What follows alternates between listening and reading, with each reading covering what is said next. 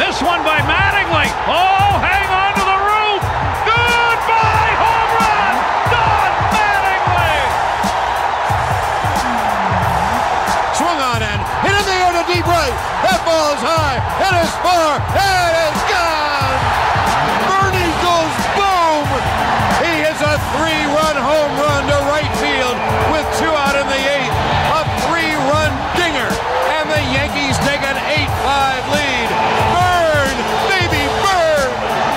On a drill deep to right field. There it goes. See ya into the upper deck. David Justice with a three-run home run, and the Yankees have come all the way back. They lead six to four. Get your tokens ready. You might be boarding the subway. Oh, what a big home run for David Justice. They're going to wave him around. The throw misses a cutoff man. Shot into the plate.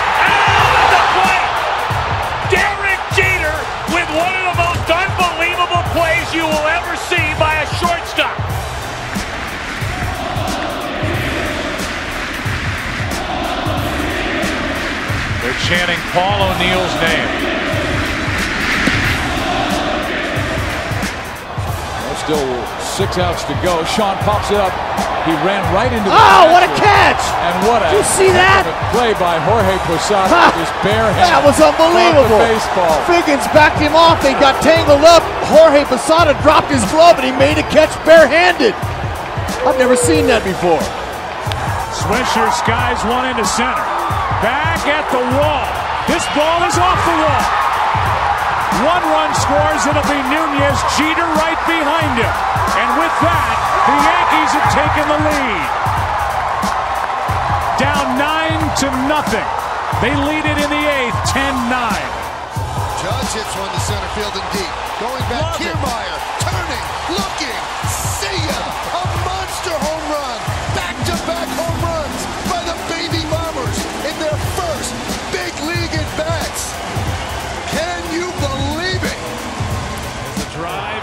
Center field. Sanchez is watching. This ball's flying. Three-run blast out of Fenway Park, all the way out. Rivera sets and deals. Strike three, ball game over. Yankees win, and it's perfect because the greatest closer in history now has the most saves in history. First at bat of the game. There's a fly ball deep to left. It's on its way. There it goes, and the Yankees are going to the World Series. Aaron Boone has hit a home run. The Yankees go to the World Series for the 39th time in their remarkable history.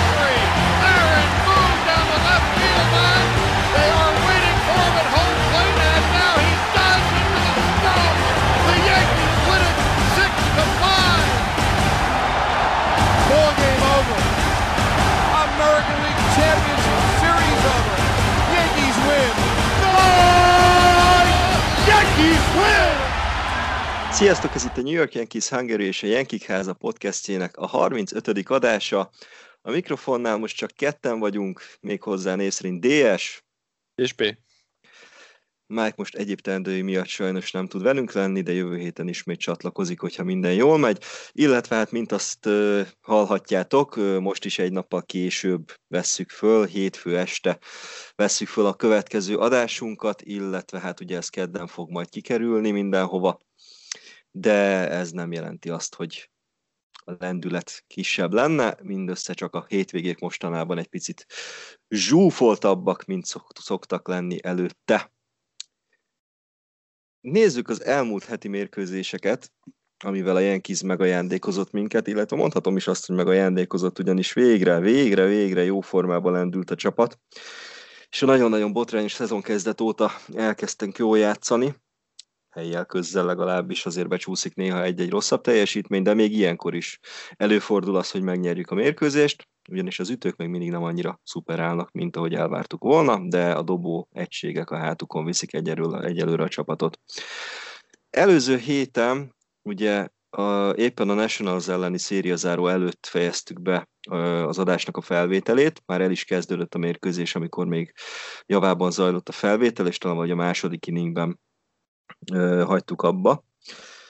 A végeredmény győzelem lett, méghozzá Giancarlo Stanton walk-off RBI szinglijével nyertük meg a mérkőzést 3-2-re, és ez zsinórban a második walk-off győzelmünk volt a, a Nationals ellen ebben a szériában, és ezzel sikerült meg is fordítani a párharcot, ugye az első mérkőzésen ott nagyon csúnyán kikaptunk, onnantól viszont két walk-off győzelemmel sikerült megnyerni a párharcot ellenük.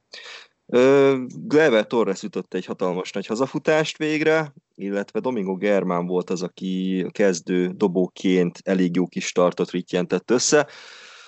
Hat inninget és még egy kiejtést csinált meg, ez alatt öt találatot adott fel és egy sétát, valami kettő pontot hoztak róla, ez Schwarber két pontos homranja képében történt meg a hetedik inningben, és Domingo kiosztott hat strikeoutot még. Maradék inningeket pedig Michael King, Peralta és Chapman hozták le, és Chapman lett a győzelem a végén. Ezután volt egy szünnapunk, és hát készültünk a szezon eddigi talán legfontosabb szériájára, méghozzá mentünk a Tropicana Fieldre a Tampa Bay Rays ellen. És számomra amúgy meglepő eredmények születtek. Én egy ilyen slugfestet vártam, jól szétcsapkodják egymást a csapatok. Aztán az első meccsen nyertünk, de csak, idézélve csak 3-1-re. És hát akkor még nem tudtuk, hogy Aaron Judge eléggé beindította ezt az elmúlt hetet, és az első inningben rögtön egy hazafutást vágott. Az első inningben eddig pontokban nem voltunk túl jók, de most Judge végre egy, egy homerunnal növelte a, az elején szerzett pontjaink számát. Aztán két inninggel később egy védekezési hibából, egy pest pólból szereztünk még egy pontot, majd aztán Gary Sanchez is ütött egy hazafutást, míg a Raysnél Mike Zunino is vállalt egyet, úgyhogy mindkét catcher bejelentkezett egy-egy hazafutással, de ennyi pont elég volt nekünk, ugyanis Montgomery egészen kiváló startot hozott, ledobott hat inninget, mindössze kettő ütést engedett, ebből az egyik a Zunino hazafutása volt, meg egy sétát hozott össze, és amellett kilenc strikeoutot dobott. Úgyhogy fantasztikus startot hozott Monti. Utána pedig uh, Loiziga és uh, Chapman mondhatunk természetesen lehozták a végét. Ugye Loiziga kettő inninget, Chapman pedig egyet hozott le, és ezzel a nyolcadik mentését is behúzta ebben az évben. Ahogy kell, és tényleg eddig fantasztikus a bullpen is, főleg hát Chapman vezetésével. Egyébként a Loic elég jól megérezted, emlékszem. Hogy a szezon elején, igen, igen. a szezon előtt. Ami így, hát nem volt rossz tipp, amúgy se, de, de ez nagyon elkaptad ezt a tippet, igen. fantasztikus, amit csinál. Én éreztem az erőt. The force is strong with this one. Igen, nekem a Nick Nelson. Az, nem, nem jött az annyira. Egyelőre annyira nem vált be, igen. Pedig Majd neki ő is jól kezdett egyébként. Majd All-Star után. Igen, igen, igen. Majd Scrantonban. És a következő mérkőzésen még jobban sikerült a, a dobóegységeknek a, az egymás ütősorainak a szivatása. A végeredmény 1-0 lett, és ismét győztünk, de hát az az egyetlen pont is Aaron Hicks sacrifice flyából esett a hetedikben. Hát Gerrit Cole-ról eddig is tudtuk, hogy nem ember, de amit ezen a meccsen csinált, az egészen elképesztő volt. Nyolc inninget dobott végig, nem engedett pontot, ugye, és csak négy találatot hoztak róla, sétát sem engedett, viszont kiosztott 12 strikeoutot, totálisan nullázta a résznek az ütősorát, Ugyanakkor mi sem jeleskedtünk, ugye, mint azt az eredmény is mutatja, de hát legalább egy pontra jók voltunk, amivel Cole nem került ugye Degrom sorsára, hogy lehoz 8 inninget simára, és akkor mégis egy vereség vagy no decision kerül a neve mellé. Szerencsére Gerit megkapta a duplavét, és hát a 9 ismét érkezett a kubai rakéta, és behúzta a mentést kegyetlenül. És az ütők jó fejek voltak, mert úgy gondolták, hogy nem szeretnék Chapment háromba háromszor dolgoztatni, úgyhogy csütörtökön sem nagyon aktivizálták magukat, ellenben a Rays ütősora elkattant, és 9-1-re vertek minket a szériazárón. Az egyetlen pontunk is a 9 jött, az is egy dupla játék közben futott be, úgyhogy ez mindent elmond erről a mérkőzésről. Hát sajnos Jameson Tyonnak megint nem volt olyan jó startja, ő most már csak így váltogatja az elfogadhatót, meg a nem annyira jó startokat. Hm. őt Mike King váltotta, meg aztán Justin Wilson is dobott, de ők is kapták az ívet, úgyhogy hát ez az egész meccs ment a kukába, de azért a Tropikánából elhozni két meccset, azért az is, az is egész jó szerintem. Van, szerintem ezt simán aláírtuk volna a széria előtt mindannyian, hogy kettő egyen jövünk ki, és a legdurvább az az, hogy öt pontot ütöttünk a három mérkőzés alatt, és így, így sikerült két győzelmet behúzni. Hát ez, ez valami egészen kemény volt. És hát utána jött a Baltimore Orioles elleni széria, amit szintén győzelemmel zártunk, viszont hát az ütőink legalább egy kicsit felébredtek, ellenben a dobók azok nem tudom, mint hogyha váltaná egymást a két egység. Az, amikor az ütőknek jól megy, akkor a dobók betliznek többet, amikor a dobók a vállukra kapják az egész csapatot, akkor meg az ütők érzik úgy, hogy a maximum minimálisat teszik bele a dologba. Az első mérkőzés 5-4 lett a javunkra. Cory Kluber, hát eléggé felemás tartozott, voltak kiváló inningjei, összesen 6 inninget dobott le, ebből 7 találatot és 4 pontot engedett, viszont ebből a 4-ből 3-at az ötödik inningben. Emellett kettő séta és hat strikeout került még Kluber neve mellé. A bullpen viszont ismét hasított, mind Green, mind Peralta, mind pedig Loaiziga fantasztikusan dobtak. Támadásban Judge két szóló homerun ütött, és Gio Urshela megszerezte a második pinch hit homerunját a Yankees mezben. Ez most egy három pontos hazafutás volt, amivel tulajdonképpen megfordította és megnyerte a mérkőzés nekünk, ugye. Kettő négyes hátrányból csinált öt négyes előnyt, és aztán az ki is tartott a végéig, és ez volt érdekes módon az első olyan találat idén a kizben, amit csereütőként beálló játékos ért el, tehát eddig nem volt pinch hitünk konkrétan és ezzel egyedül voltunk az egész ligában, tehát minden egyes csapatnak, minden 29 csapatnak rajtunk kívül volt már pinch hitter általi találata, most már nekünk is van egy. De pinch, hit, pinch uh, double playben és strikeoutban valószínűleg vezetjük a ligát, gondolom. Ez egészen valószínű, igen. Vagy pinch hit pop-upban. Mm, viszont a szombati meccs ez végre hát úgymond stresszmentesen alakult. Az első két inningben rögtön öt pontot szereztünk, hatodikban aztán még három rant fölpakoltunk az eredményjelzőre. Geri Sáncheznek volt egy kettő RBI-os base hitje, Judge home run vállalt, jött be pont Bolkból, tehát ilyen szabálytalan dobómozdulatból is, és végre Luke Voigt is életjeleket mutatott, ő is két RBI-t szerzett, és 8-2-re nyertünk, az ütők mellett ebben nagy szerepe volt Domingo Germánnak is, aki hat inninget vállalt, akár csak Kluber. Hát ő hat embert bázisra pakolt, mert négy base hitet engedett, meg kettő sétát, viszont csak egy pontot tudott ebből behozni az Orioles, és Germán kiosztott még hat strikeoutot is. Őt követően pedig Rüdge, Wilson és Sessa simán megoldották a dolgukat. Még Sessáról jött egy, kiérdemelt, egy nem kiérdemelt pont, 9. alján, de hát ez már nem osztott, nem szorzott, 8-2-re nyertünk.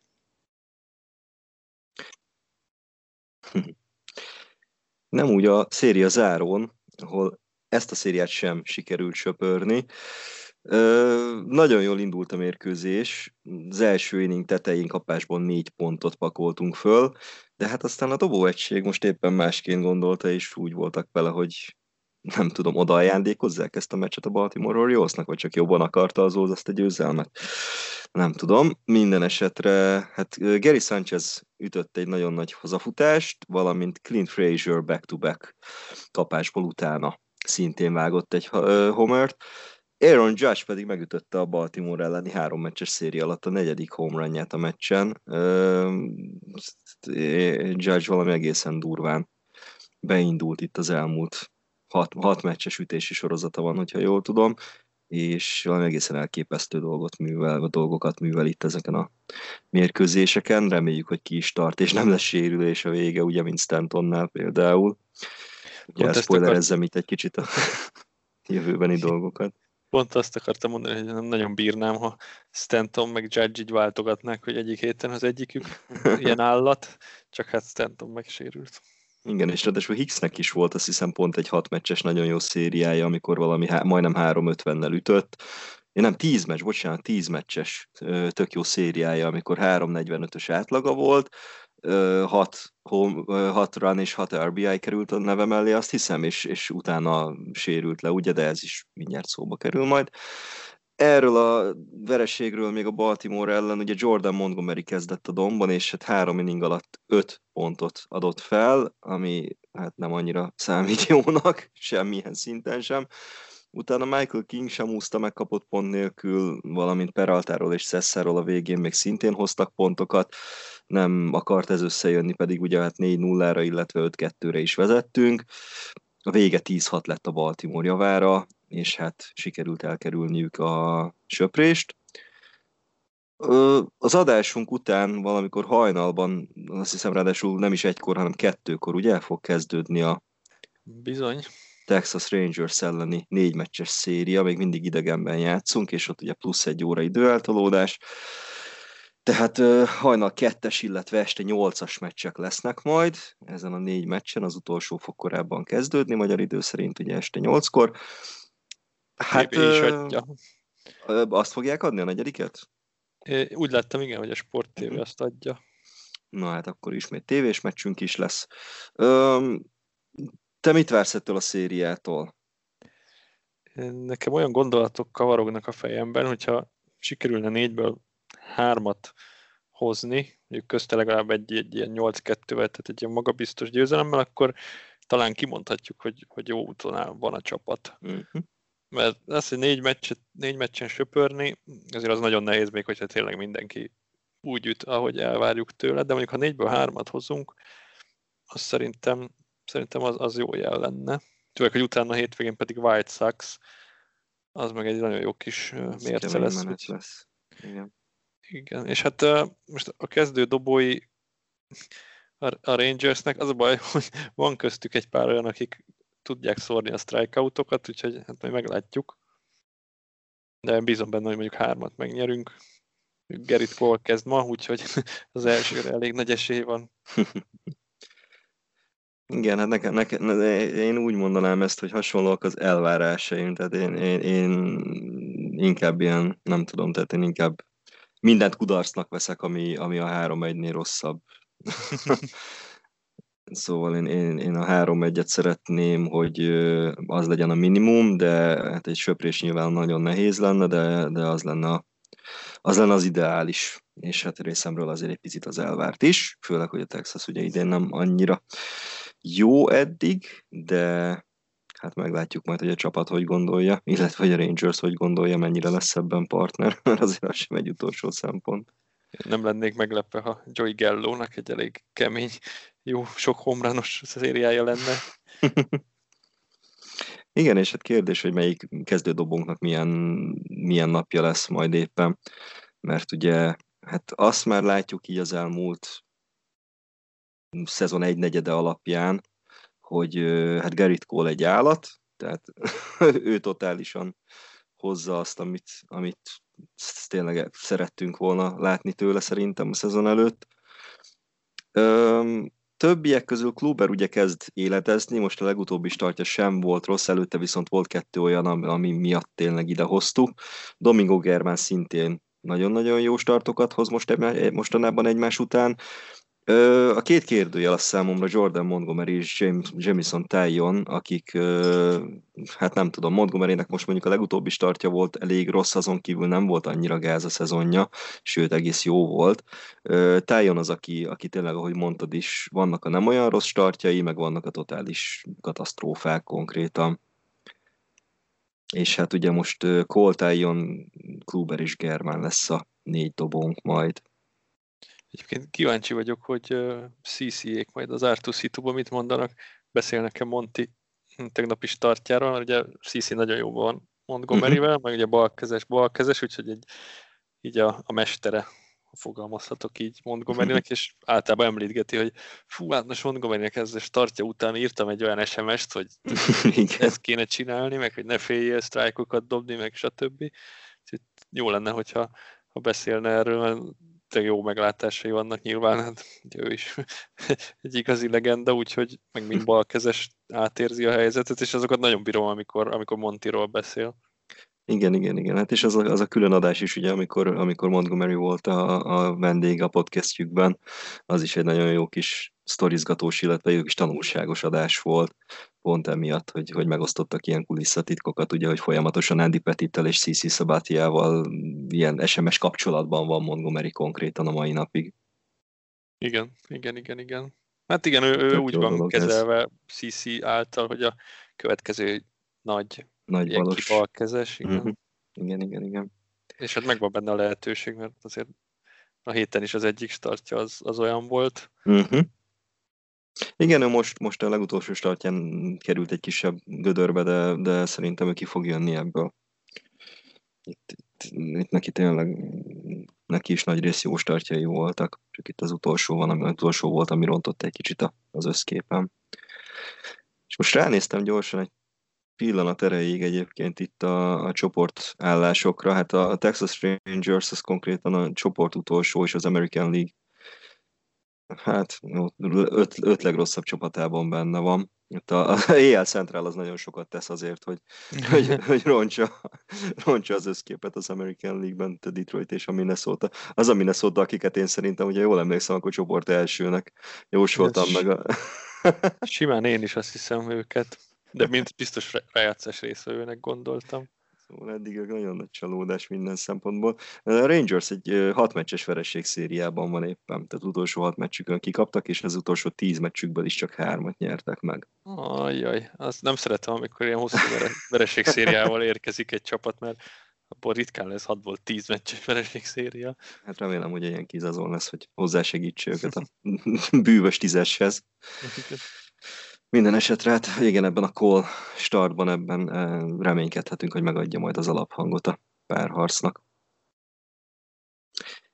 Ezek voltak tehát az előző hét mérkőzései. Rangers után kivel fogunk játszani egyébként?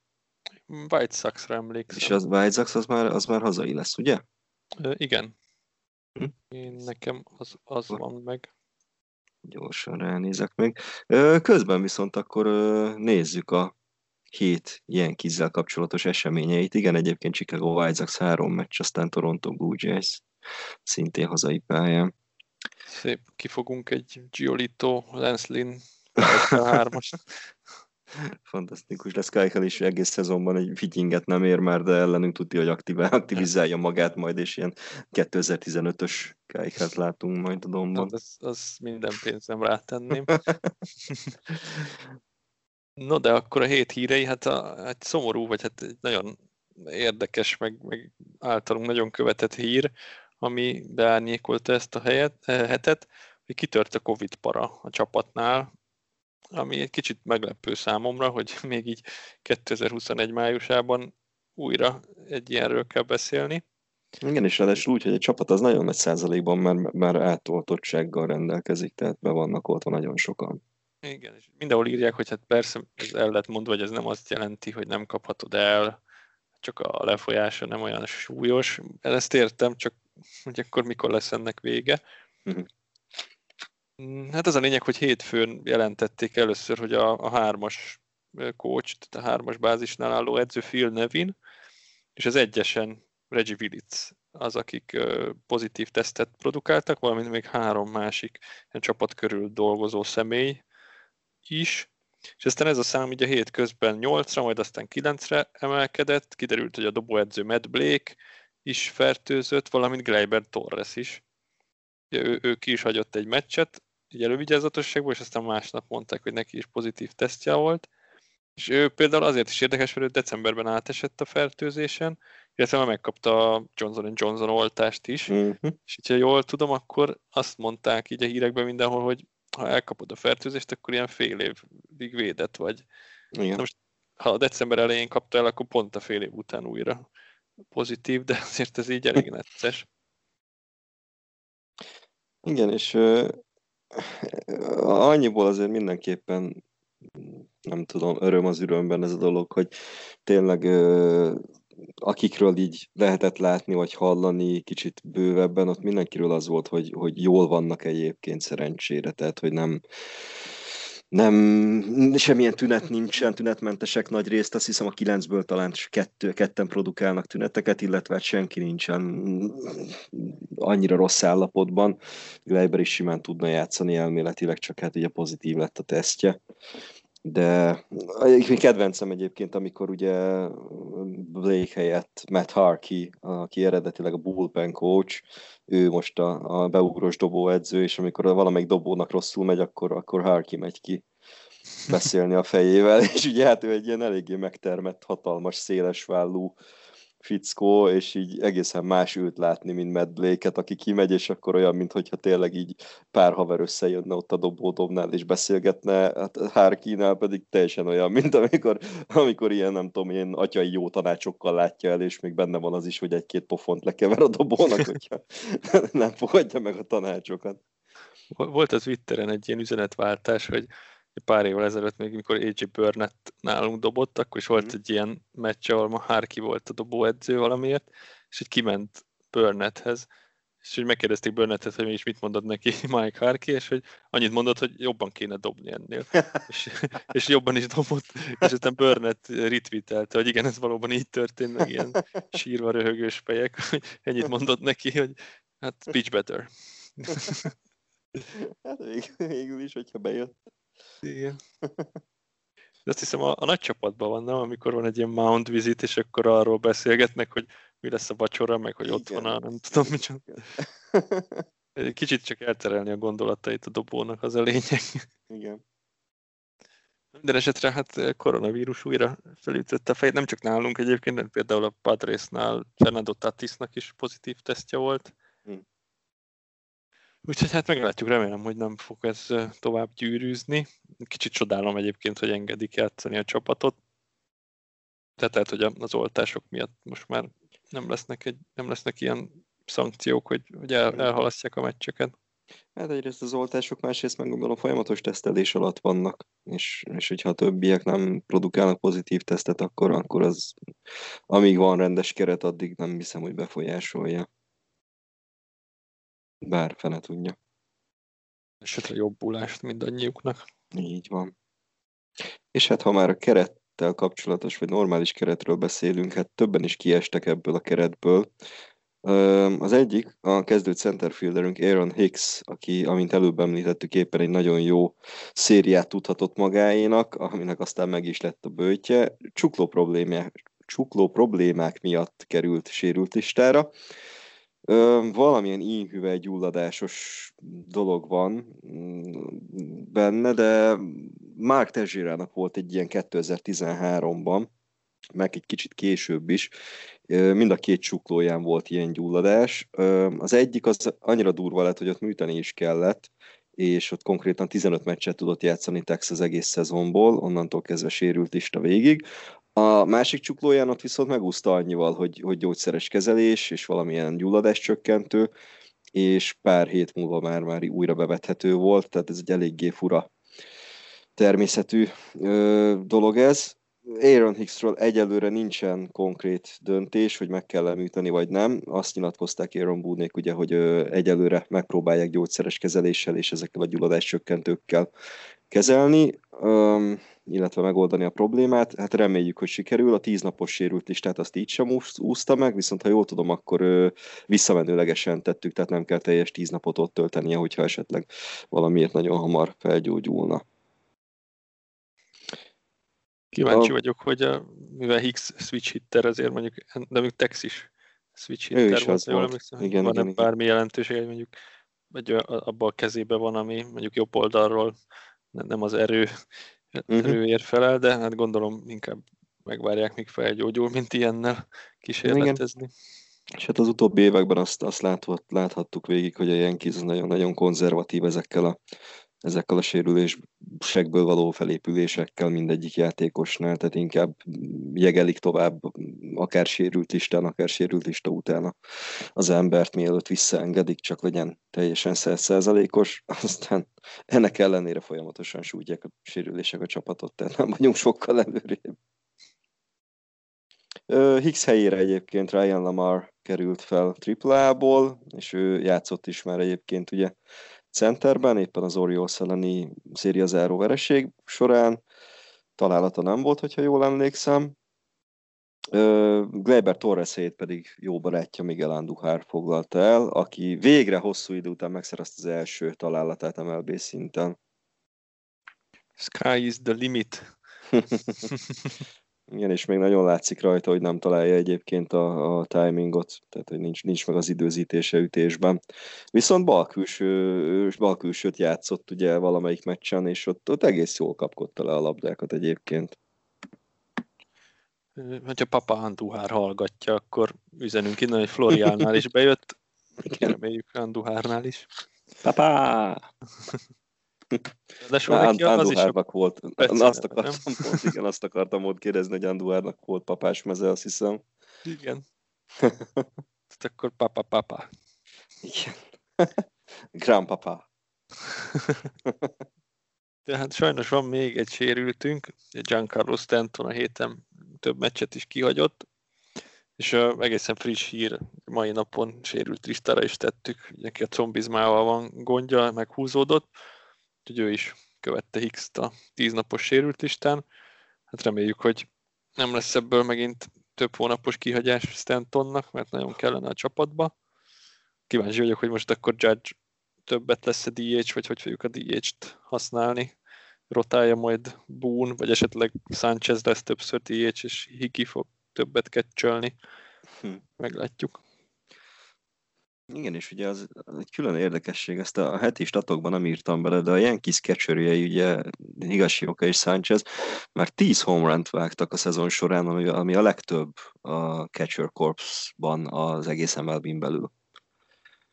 Ott eléggé eldurrant az agyuk szerencsére mindkettőjüknek. Igen, és Gerinek az ütőátlag az nem néz ki jól, meg, meg, meg volt, hogy gyűjtögette a strikeoutokat, de most megint úgy látom, hogy kicsit ilyen jobb szériában van. Igen, most megint séták. volt egy-két jobb meccse. Igen, igen, igen.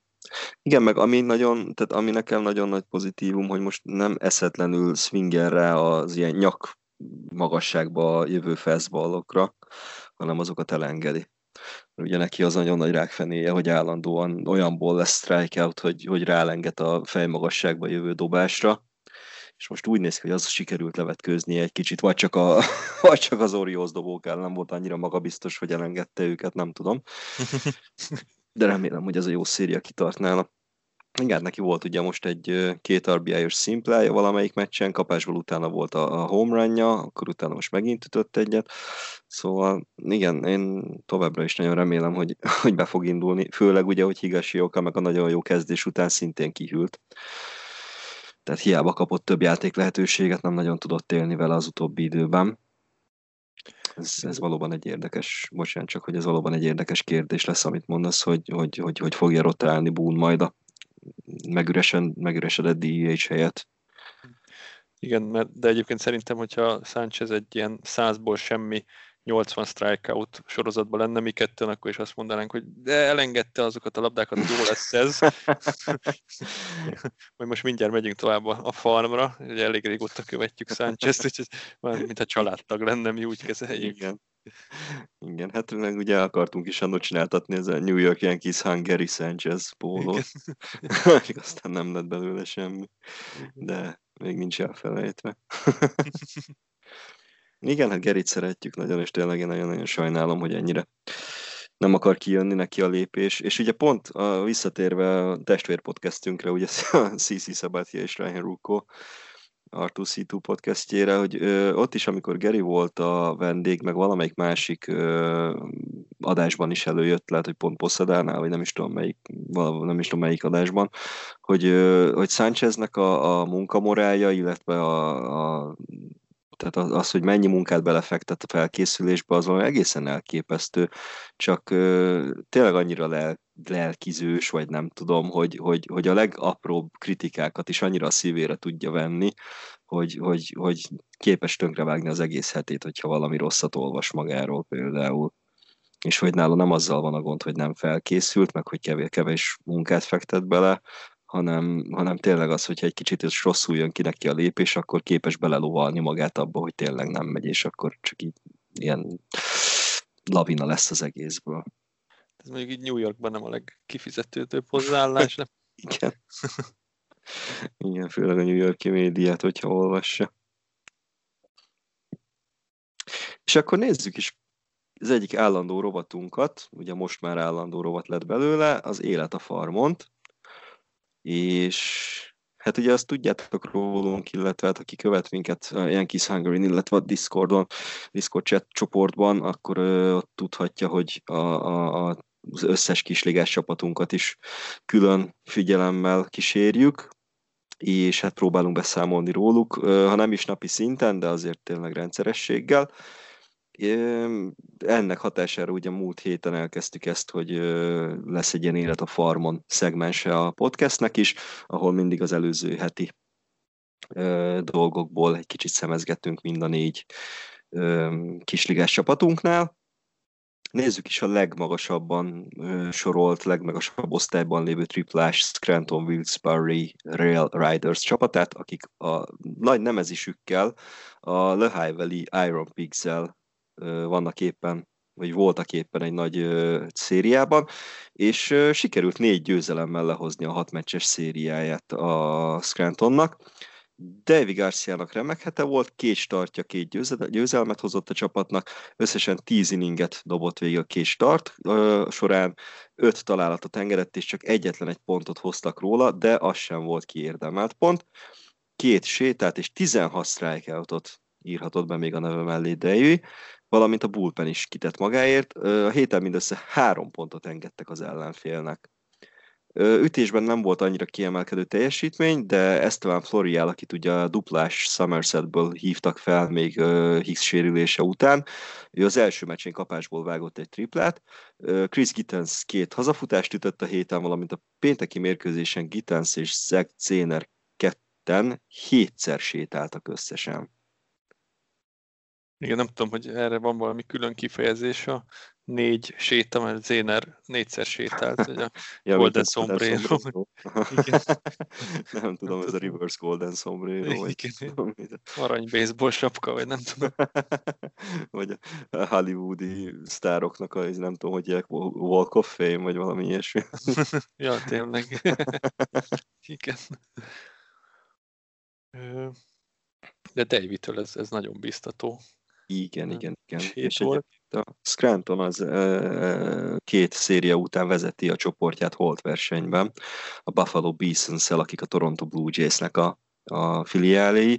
Ez a kilenc győzelem, három vereség, ez nagyon-nagyon kemény szezonkezdés volt tőlük. Igen, és főleg nekik az a, az a nehézség, hogy Anduhár volt is játszott, uh-huh. Florián most érkezett, azért AAA-ben van ám rendesen átjárás, mert ha kell egy dobó a nagy csapatba, akkor AAA-ben nyúlnak le. Itt, mhm. itt, itt nehéz állandó kerettel dolgozni, persze mondjuk a keret nagy része azért itt lesz, de, de mindig lesz, aki kikerül, mert kell az MLB-be, vagy, vagy, vagy bármi. Igen, hát ugye van az a vicces elnevezés is, ugye az ilyen Mike King féle dobóknak, akiknek van még minor ligás opciója, viszont jól dobnak MLB szinten, és akkor, hogyha van egy nagyon jó meccsük, akkor azért, hogy legyen hely a keretben, lerakják őket triplába, és amikor újra bevethetőek, akkor visszahívják. Ugye ez a Scranton Shuffle ugye ez a váltóbusz, vagy nem tudom, Scranton és New York között, amiben a dobókat utaztatják ide-oda, hogyha éppen ahol szükség van rájuk. És még egy dolog, hogy Trey Ambergi megsérült, oh. sajnos, hát pedig lehet, hogy őt hívták volna föl Lamar helyére, vagy helyett. Az egy ilyen, egy ilyen személyes győzelemnek fogom tekinteni, amikor Ambergi bemutatkozik. Yeah, Irgumburgi. Igen. Most megmondom, lesz egy walk-off home valaki ellen. Ugye Slade Heat. Slade Teljesen egy ugóra jár az a gyúr. Igen. Nekem is egyből ő ugrott be, ugye nekem volt nagy kedvencem annó. És Tampa ellen vágott egy hatalmas nagy homerun, nem walk mert a Tropikánában voltunk, de, de ilyen nagyon nagy fordító homerun Igen. Na, utazzunk akkor egy, egy szinten lejjebb AA-be, ahol a Somerset Patriots a New Hampshire Fisher cats játszott.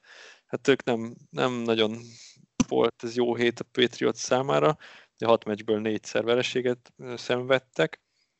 Hát ebből következik, hogy a kezdő dobóinkat az többnyire megcsapkodta az ellenfél, de a két győzelmünkkor Jenson Junk és Louis Hill jó startot produkáltak. Jenson Junk nevét szerintem sokszor fogjuk emlegetni, ő lett az új kiszemeltünk. Igen. Ő három inninget és még egy kiejtést csinált meg, nem adott föl pontot, kiosztott hat strikeoutot, Louis Hill pedig a, hát mondhatni szokásos négy inningét ledobta, engedett pont nélkül, és nyolc strikeoutot szórt. Úgyhogy Hill ezt, a, ezt az évet ezt nagyon jól kezdte. Ütésben is nehéz úgy kiemelni egy ilyen héten bárkit, de Thomas Millon és Dermis Garcia vállaltak két-két homerunt. Az ő nevüket már szerintem múlt héten is említettük. Garciát egészen biztos. De mind a kettőt szerintem Milonra is emlékszem, hogy neki, neki jó hete volt az első is. Igen. És hát aztán a hét elején az egyik catcher tehetségünk, Donny Sands ütött be pár RBI-t, a hét második felében viszont a shortstop prospect Osvaldo Cabrera kapott el egy jó három meccset, öt, öt hitet gyűjtött a három meccsen, és ebből az egyik az hazafutás volt. Hmm.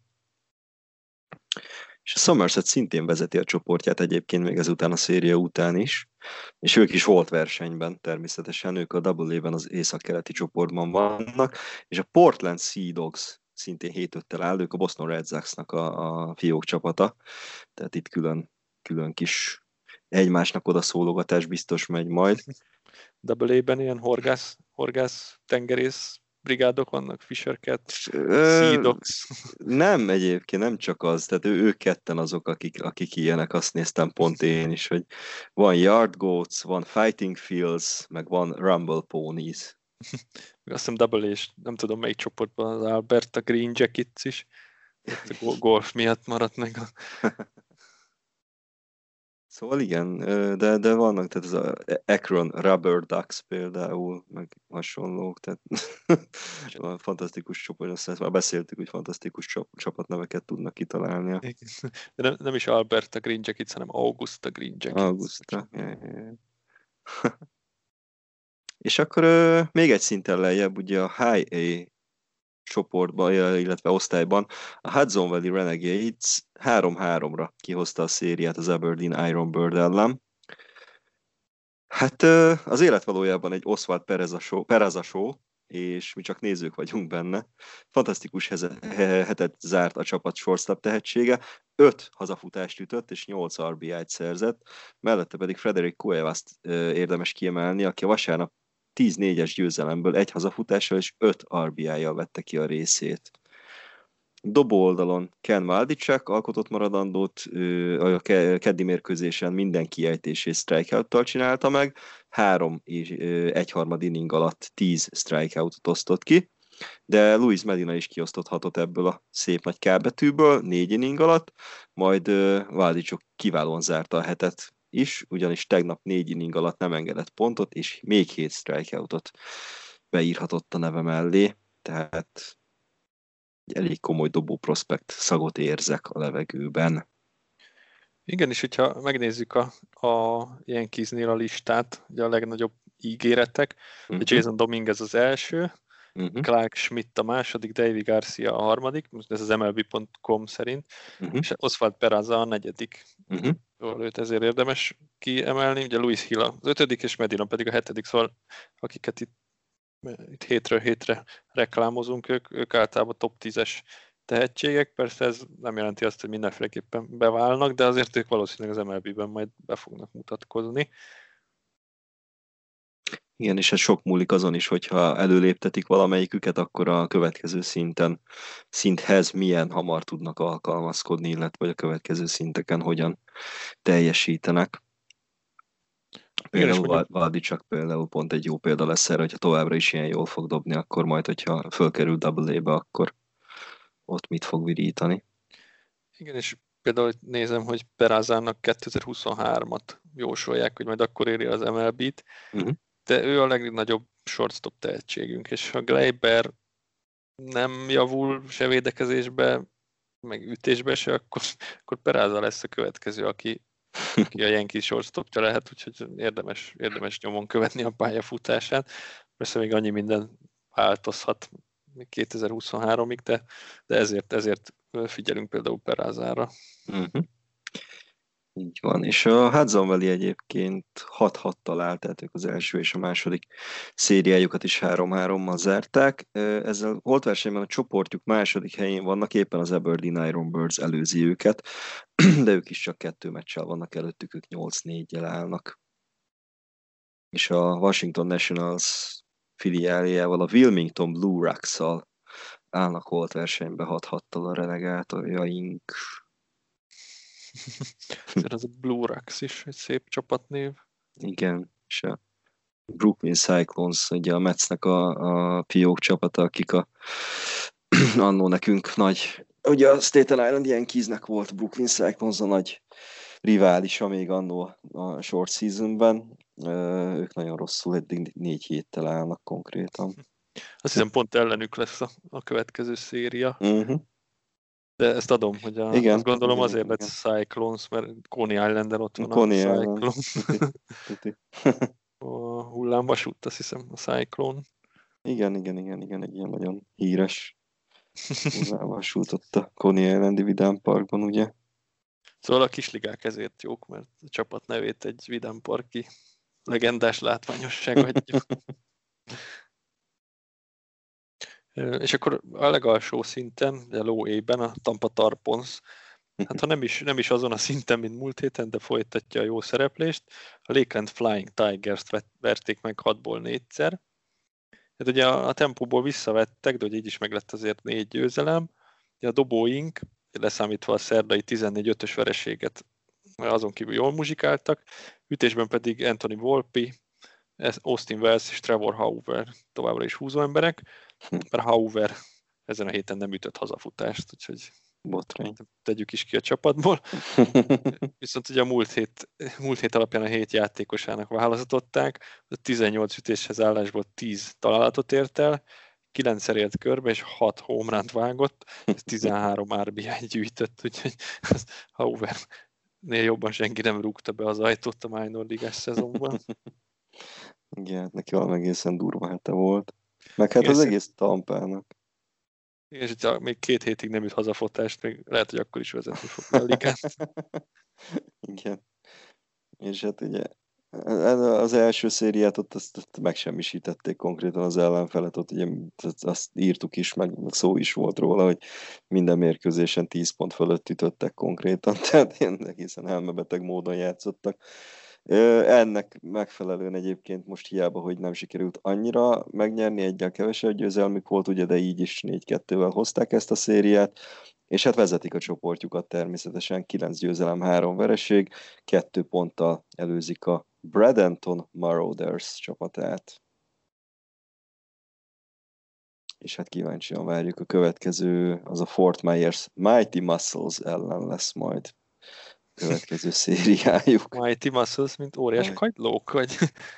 Igen, kagyló, mert uh, ahogy nézem, pont egy ilyen kagyló, a baseballütős kagyló a jelük. Oh, óriási. Igen, tényleg. hát kíváncsian várjuk, és hát ugye továbbra is hajrá mind a négy kis csapatunknak, illetve van még egy minor league-hez kapcsolódó hírünk, Méghozzá Jason Dominguezről van szó, aki valószínűleg majd csak a Rookie Level Gulf Coast League-ben kezdi meg majd a profi pályafutását. Ez június 28-án fog startolni ez a, e, ennek a ligának a, az összecsapásai, és addig ugye hát extended spring trainingben van még, hogyha jól tudom Dominguez. Igen, Aztán igen. hát utána ugye edzőkomplexum, és, és gondolom utána a Gulf Coast League majd. Hát rá pedig extrán kíváncsiak vagyunk ugye a marslakóra, hogy mi lesz majd vele, illetve hogy az ő sorsa hogyan alakul. De szerintem ez nem egy rossz húzás a csapattól, hogy kicsit még jegelik, mert most ha elindul egy lóébe, és nem úgy indul a szezonja, kicsit nehezebben, akkor a nyomás van már most a srácon. Uh-huh. Lehet, hogy jobb, hogyha a Goof Coast League-ben szétüt pár dobót, és akkor egy kis önbizalmat szerez még. Így van. De hát ki vagyok én, hogy ezt így eldöntsem. Hát nem te döntöttél így, hanem a csapatvezetés szerencsé... szerencsére ők is így látják. Valószínűleg jobban értenek ehhez. Csak egy picit. Vagy kifelé megy ez a Mars lakó úristen mekkora tehetség, és Tampában pedig látják, hogy fú, gyerekek, ebből csaj lesz. inkább, ne, inkább jegeljük, amíg lehet. Igen. Insta sztoriba mehetnek ki a nagy hazafutások ütőedzésről, amúgy meg hú. Igen, de azt is így három nap alatt vágják össze azokat az Igen. ütéseket. Senkinek nem tudik fel, hogy mindig más ruha van rajta két között.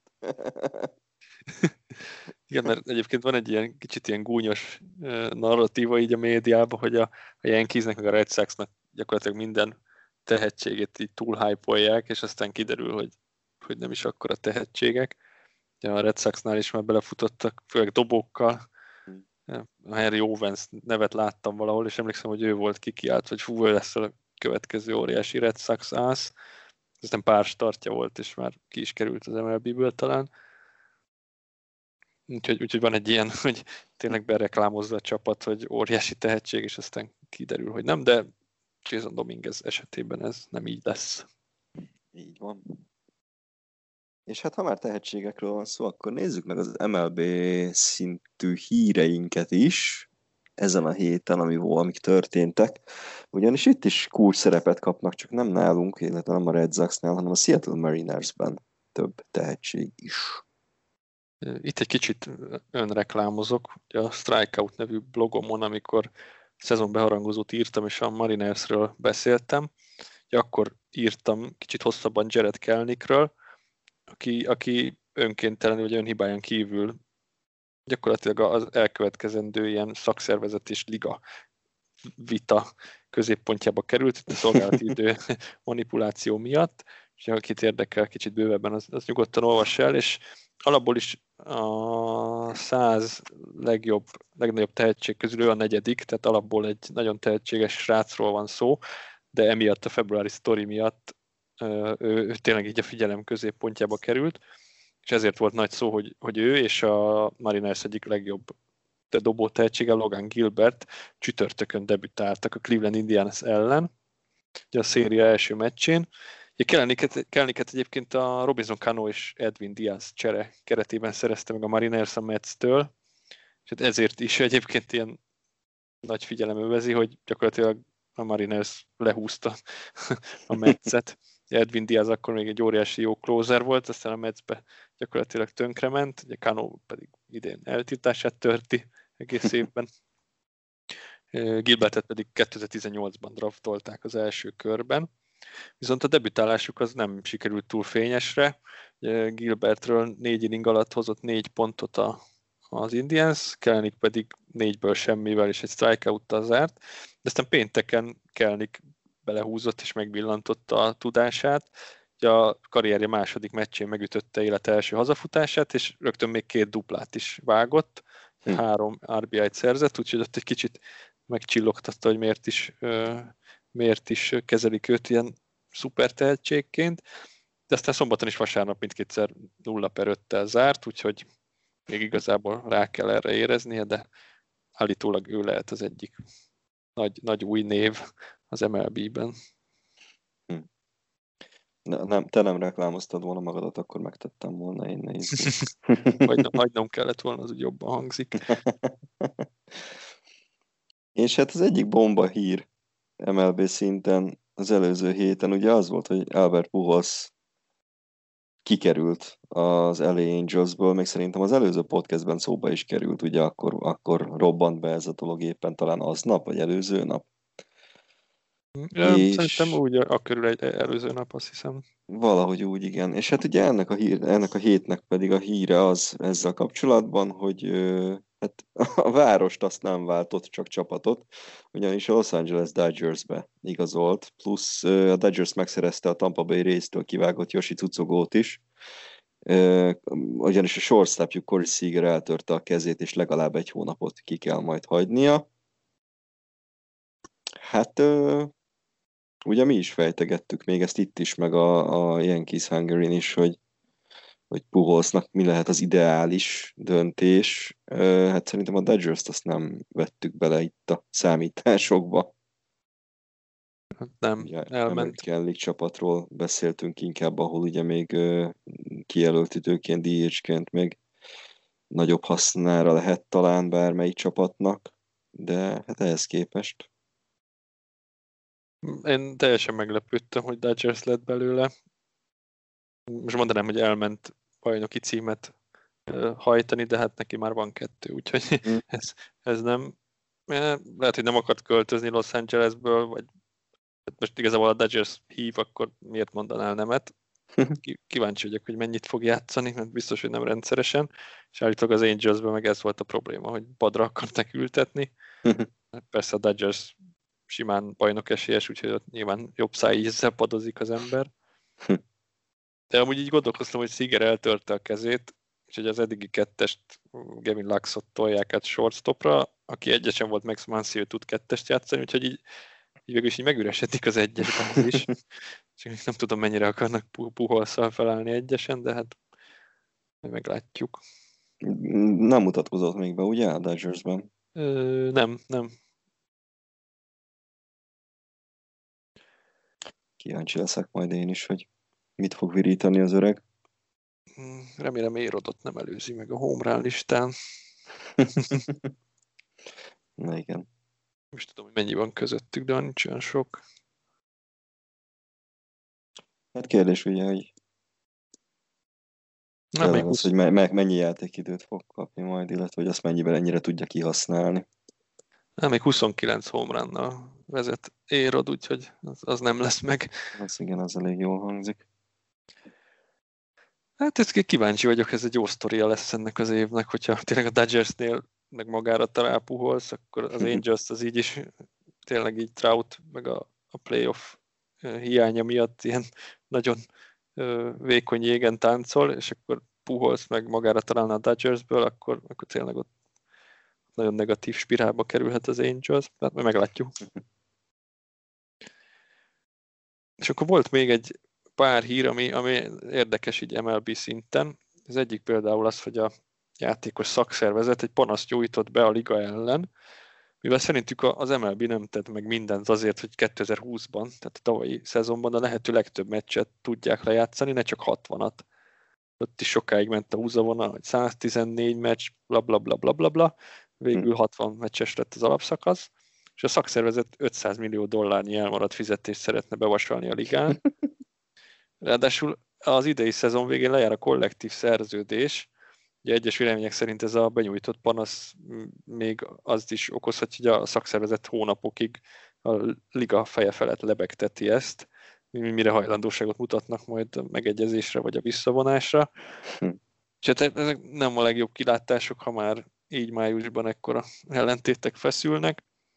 Ráadásul ez egy tavalyi sztorinak a folytatása, úgyhogy ezek szerint a felek igen, igen jeges viszonyban vannak, de hát ez még rengeteget fog változni, meg egyéb dolgok miatt is össze fognak majd veszni a felek, úgyhogy meglátjuk. Mondjuk én meglepődnék, ha egy Covid után kettő évvel, vagy hát egy teljes szezonnal később blackout lenne. Az gyakorlatilag leúszhatná magán, magát a WC-n az MLB.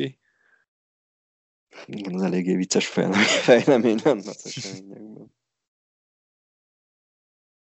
Hát nem tudom, ne, nekem ez egy ilyen kicsit nem olyan Hmm, viharabiliban megtűnik ez az egész. Aztán meglátjuk majd, hogy mire jutnak egymással, de hát nem...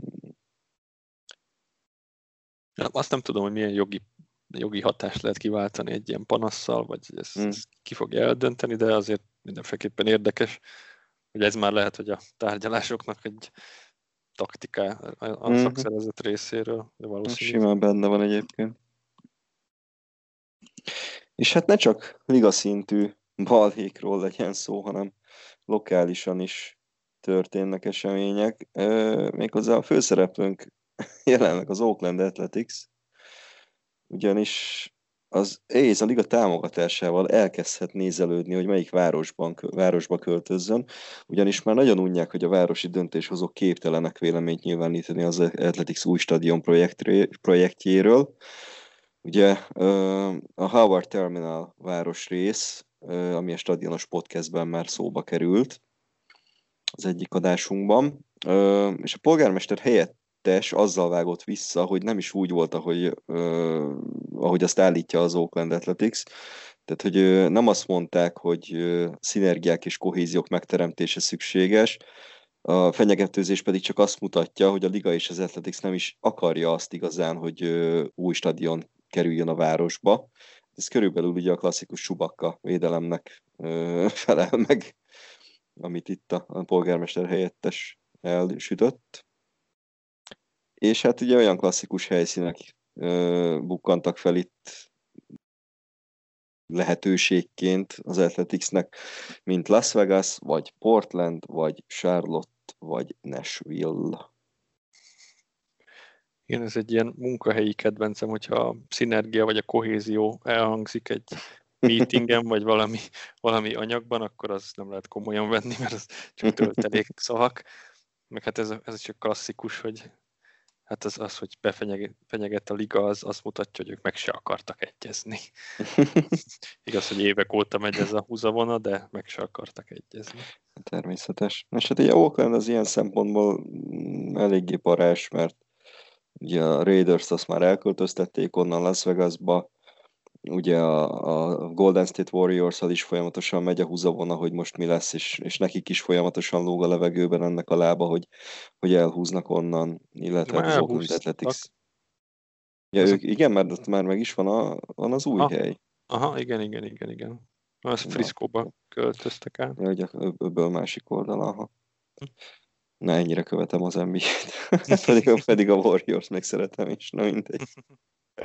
Illetve hát ugye az Oakland Athleticsnek is ugye már nem először kerül szóba ez, hogy új stadion vagy új városba költözés. Hát nem tudom, lehet, hogy Las Vegas tényleg egy ilyen major sport se akar válni szépen lassan, ugye a Raiders mellett a Golden Knights hoki csapatával, illetve folyamatosan lobbiznak ugye az NBA, illetve az MLB csapatért is. Az mondjuk é. a Moneyball egy új értelmet nyerne. az biztos. Igen. De most két dolog jutott még eszembe, hogy a, a Warriorsnak az Oaklandi arénáját azt egy nagy bulival ünnepelték 19-ben a Raptors bajnoki címével. Ez nagyon jó volt, mert utána költöztek.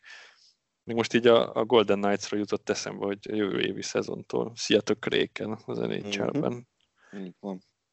Azt hiszem, hogy hát nem követtem figyelemmel a Golden Knights-os expansion draftot. Most lehet, hogy kicsit odafigyelek majd, hogy hogy válogatnak játékosokat, mert akkor biztos volt, hogy a Penguinsből Fleurit viszik, úgyhogy uh-huh. ez egyértelmű volt. Jól is jártak vele. Uh-huh. Hát az, az ilyen win-win szitu volt mindenkinek, mert nagyon sokat keresett, ott volt a Penguinsben. Möri mögötte már, meg Fleur is jó helyre került úgy, úgy kellett volna mondani, hogy ott volt a Penguinsben mögötte a sokkal kevésbé szimpatikus Murray. Aki mögött ott volt úgyhogy. És természetesen kikaptunk az Islanders ellen tegnap. Megint ki fogunk esni az első körbe simán. Úgy legyen. Én pont azon gondolkodtam, hogy számomra konkrétan ez volt a lehető legrosszabb forgatókönyv, ami történhetett ebben a csoportban, hogy a, a Capitals, az Islanders, a Penguins és a Bruins jutott tovább. Tehát en, ennél, ennél rosszabb Patén Rangers drukkerként elképzelni nem tudtam volna. És akkor most tényleg így drukkolhatok a, a városi rivális Islandersnek, hogy legalább New Yorki csapat menjen majd tovább valahogy a három legutáltabb csapatom mellett. Tehát így, fú, de legalább annyit megsporolt nekem a Rangers, hogy nem kell jégkorong miatt fönnmaradnom hajnalig. ezt a playoffot, ezt így, ezt én egyáltalán nem fogom követni. Cserébe a Nix miatt majd. Oh yeah. Az muszáj lesz. Te ott, ott, ott, mi van az arénával, majd a Gardennel mennyien mehetnek be, mert azért ott elég jó hangulat lenne most a play Ha jól tudom, akkor 33 százalék, azt hiszem egy harmados kapacitás son lehet, de nem esküszöm meg rá. mondjuk így is jó hangulat lesz. Igen, egyébként így is dob rajta, tehát most, most azt hiszem ott is ez a 20%-os van talán, ami, ami baseballban is. Úgyhogy ott most annyi van, ugye? 20% hogyha jól tudom, annyira emelték. É, úgy emlékszem, igen. Mm, de... Mix Atlanta? Atlantával Mix Atlanta, igen, és, és hála a jó, hogy sikerült az utolsó meccsen kiharcolni a negyedik helyet vagyis az azt jelenti, hogy a hazai pálya előnye lesz majd a Knicksnél, ugye? Mm, azt írják, hogy 2000 rajongó lehet most benne, ami körülbelül, tehát ugye 10%-a körülbelül a Madison Square Gardennek, és ugye azért február 23-tól volt így. Mondom én, mint hogyha valami olyasmit hallottam volna, hogy ezt most ki fogják bővíteni, majd talán 33%-ra, de, de nem tudok megesküdni rá. Ott is mindenki csak fönt a kakasülőn. De, de igen, tehát azért dob rajta egyébként. Pont azon poénkodtunk egyik haverral, hogy hogy lehet, hogy pont azt tett jót a Knicksnek, és azért futottak be ilyen jó negyedik helyen a playoffba, mert hogy nem volt a nézők általi nyomás rajtuk meccsről meccsre.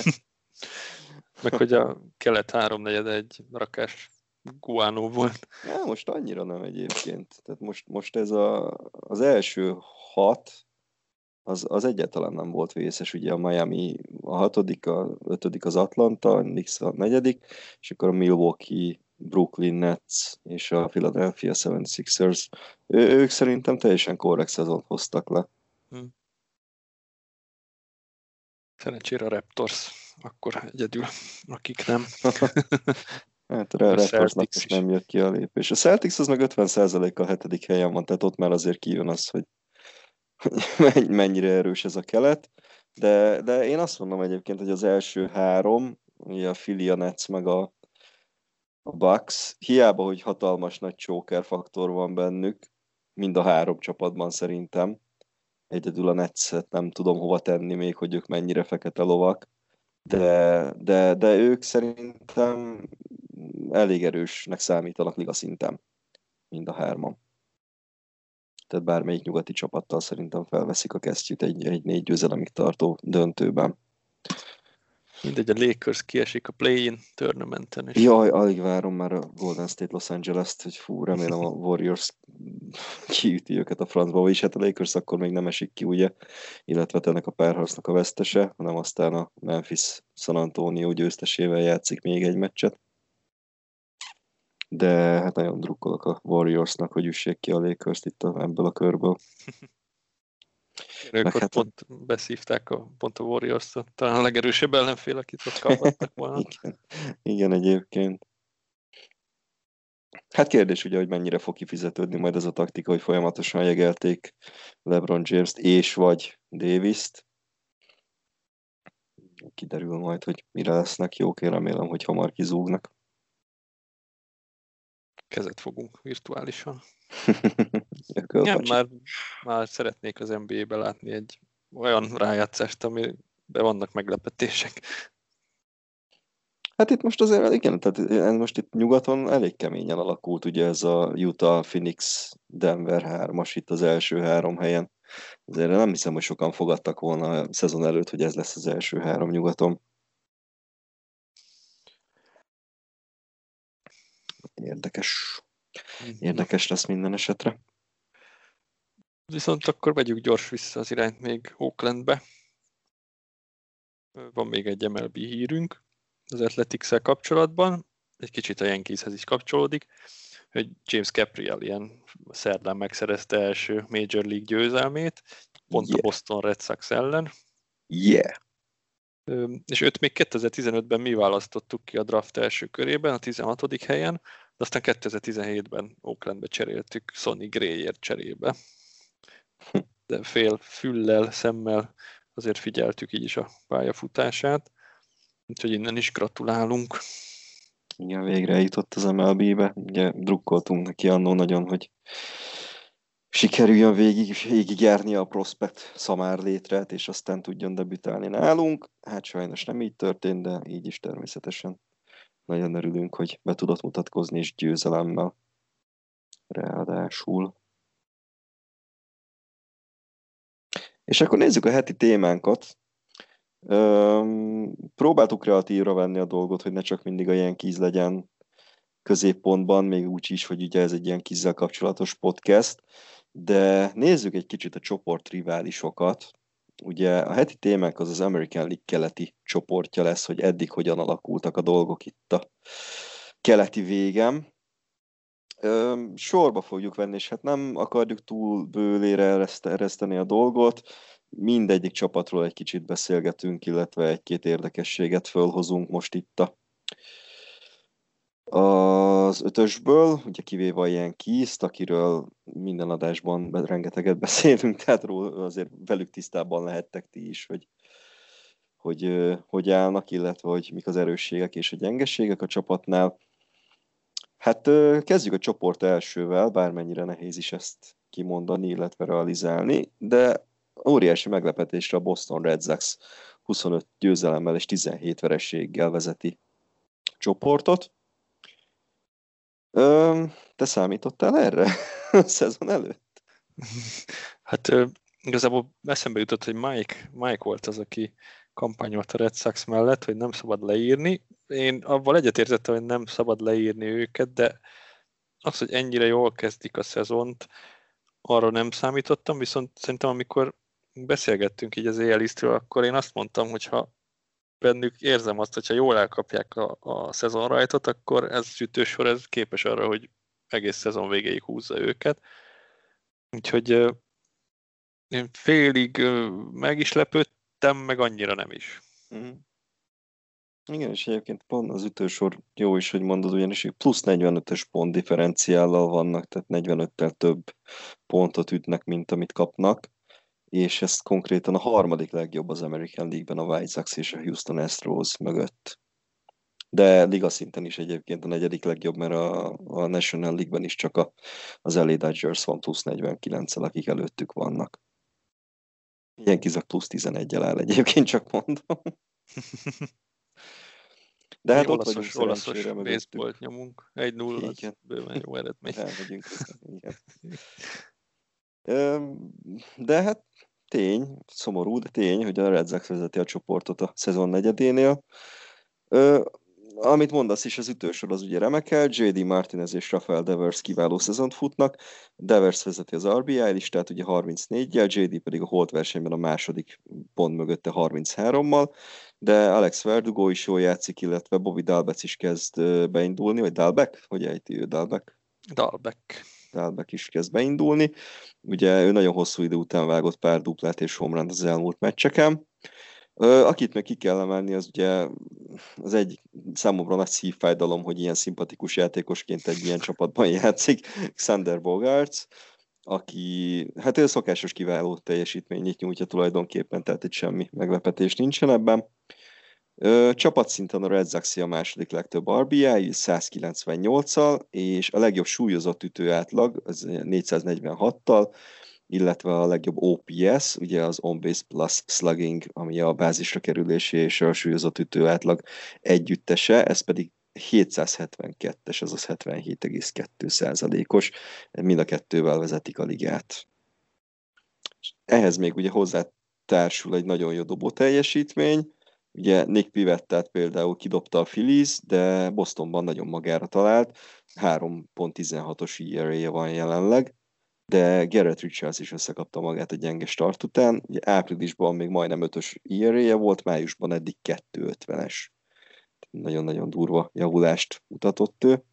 Uh, closer Matt Barnes tegnapig nem rontott el mentési szituációt, 9 mentése van jelenleg, és hát ugye Edem Ottavino katasztrofálisan kezdte a szezont, viszont azóta ő is nagyon jó teljesít a bullpenben, aminek mi külön, külön nem örülünk, ugye, mert hát ő tőlünk került át oda. Hát és emellett a, az ütő teljesítmény mellett tényleg vannak ilyen kiemelkedő dobók, ez, ez, ez garancia a sikerre, és akkor még majd a nyáron Chris Sale visszatér. Úgyhogy van egy olyan érzésem, hogy sajnos a Red Sox sajnos itt lesz velünk egész évben. Nem tudom, én egy kicsit érzem azt, hogy, hogy ki fog lehet, hogy csak a hajszálcsíkos szívem mondatja ezt. Jó, De azért tudom. tényleg ahhoz képest, hogy bocsánat, csak annyi, hogy ahhoz képest, hogy mennyire bekezdtek a szezon elején, azért azért most már ott van a nyakukon három csapat is a csoporton belül. Igen, például pont Nick Pivetta is, akit említettél, neki ilyen 5 meg 6 körüli engedett pontátlaga volt a Philliesben, és most meg hm. lecsökkentette háromra. Ezért ez, ez egy ilyen óriási javulás, nem biztos, hogy fenntartható. Hát meglátjuk, közelebb kell férkőznünk, aztán júniusban elkalapálni őket. Így, így. És igazából szerintem nekik az lesz majd, egy nagy, az fog egy nagy törést okozni majd, hogyha valamelyik csapat a háromból behozza őket, ugye itt a Yankees, a Blue Jays, illetve a Rays, akik hatalmas nagy versenyben vannak most itt mögöttük, de hát itt, itt másfél, meg két meccses hátrányokról beszélünk, tehát tényleg nagyon ott van a, a, a bostoniak seggében mind a három csapat és nem tudom, nekem van egy ilyen megérzésem, hogy, hogy hogyha valamelyikük megelőzi majd a Red Sox-ot, akkor, akkor ott elképzelhető, hogy az egy olyan, olyan lelkitörést fog okozni majd a bostoniaknak, hogy ott elindulnak egy kicsit a lejtől lefelé. Így legyen. És, és mi legyünk azok, Igen. akik... Igen. És akkor ugorjunk is a csoport második Toronto Blue Jays-re, akik 22 győzelemmel és 17 vereséggel állnak. És hát ami egy kicsit ijesztő, hogy George Springer nélkül is hasít az ütősoruk. Hm. De gyakorlatilag ezt is várták tőlük, meg ezt is vártuk tőlük, csak Springerrel, most nélküle is nagyon jót mennek. Ugye Vlad Guerrero Jr. és Bob Bichett hm, remekül teljesítenek, de Vlad Guerrero még csak 22 éves, már bemutatkozott egy pár éve a ligában, és tényleg ilyen epikus teljesítményt vártak tőle, ez eddig vállalatot magára, és idén úgy néz ki, hogy áttörte azt a plafont. Eddig vágott 11 hazafutást, 30 RBI gyűjtött, a bázisra kerülési átlag az 4-40, az egészen jó, és több sétája van, mint strikeoutja, 27 séta és 26 strikeout, ami, Nice. ami a, ugye Led Guerrero egy elég nagy homrun vágó emberként van nyilván tartva, és még többet is sétál, mint strikeout, ez nagyon ijesztő. Elég egy gyilkos kombináció. Igen, és ö, Bo Bichett is vágott már 9 homerunt, 25 RBI-t szerzett, és van már 7 ellopott bázisa, úgyhogy ő is mm, több meccsen ő a húzó ember, meg a nyerő ember a Jace-nél, de hát játszottuk ellenünk már eleget, Hm. ugye volt, hogy ellenünk is két homerunt vágott, az egyik győztes homerun volt, úgyhogy Igen. Bo Bichett nevét már megjegyeztük. Hát aztán ott van még a koronavírusból felépült Teoscar Hernández is, szintén jól szerepel. Hoztak egy évre Marcus Semient is, ő is, ő is jó átlagokat hoz. Hát szintén ismerhetjük Randall Grichakot, ő, ő például egészen simán helyettesíti Springert. Neki is volt ellenünk győztes mm, RBI-ja, talán pont az első meccsen ő ütött ellenünk. Hát meg ő rendszeresen nagyon jó játszik a Yankees ellen valamiért, nem tudom, hogy ennyire nem szeret minket, vagy ennyire szeret minket, de ugye Grücsek az egyik, aki az összes többi csapat ellen olyan jó, vagy éppen jó, ilyen ellen meg konkrétan ilyen, nem tudom, Mike Trout szinten játszik konkrétan. Igen. De hát a, a Jace-től ezt is várták a, a szakértők. Ugye náluk a kérdés az a rotáció volt, és úgy néz ki, hogy egész jól összeálltak. Ugye Ryu az hozza a szokásos rázformáját, ebben semmi meglepetés nincsen, viszont Robbie Ray és Steven Metz pedig óriási javuláson mentek át. Én itt Robbie Ray többször is megénekeltem a podcastban, mert általában a fantasyben mindig behúzom, most, most, most idén nem. De ő, ő arról volt híres, hogy rengeteg strikeoutot dob, meg rengeteg sétát is. Na most eddig idén 40 inning alatt tartja a rengeteg strikeoutot, 48, viszont mindössze 10 sétát engedett, úgyhogy nagyon összekapta magát, és Hm. nagyon jól megtalálja a zónát. És Robbie Ray nem egy rossz dobó, csak ez a rengeteg séta, ez, ez, ez mindig megölte az ő teljesítményét, na most ezt nagyon, nagyon levágta ennek a számát. Steven Metz pedig zsinórban négy győzelemmel kezdte az évet, aztán őt is elkapták, tehát neki tavaly, ha jól emlékszem, a Metzben 9-es IRA-je volt, azt is félbevágta már, úgyhogy tényleg a Jace-nél az kellett, hogy mindenkinek a, a jobbik harca ö, legyen, a, a jobbik harcát mutat, mutassa, és hát ez így is történik egyelőre, úgyhogy, egész mi, mi lehet egyébként ennek az oka, hogy Ray is ennyire le tudta vágni a sétáinak a számát, illetve hogy Mats ennyire beválni látszik? Ez a dobóedző, vagy mi, mi, mi lehet ennek a sikernek a kovács a részükről? Hát Mats esetében a mindig emlegetett change of scenery, ugye, hogy várost váltasz, és akkor hirtelen egy csapásra minden megváltozik. Hát ő is nagy tehetségként van nyilvántartva, tehát nem arról beszélünk, hogy jó, hát neki nem megy, de, de nem is nem is volt akkor a tehetség, mert ő is top tehetség volt a, a nagy Metsz rotációban emlegették Mhm. őt is. Valamiért nem tudott ez összeállni, Robi Rayről én olvastam egy jó cikket, hogy hát persze ő is a dobó mozdulatát át variálta, és őt, őt rögtön novemberben újraigazolta a Jace, uh-huh. és ő nagyon belefeküdt ebbe a analitikába, meg a dobó mozdulatokba, ha, ha jól emlékszem a cikkre, és, és ezt gyakorlatilag elhitte a Jace, hogy ez változhat, meg nyilván ott is a, az emberek, akik ezzel foglalkoznak, jelezték, hogy jó úton jár Ray, és ezek szerint tényleg. Hm.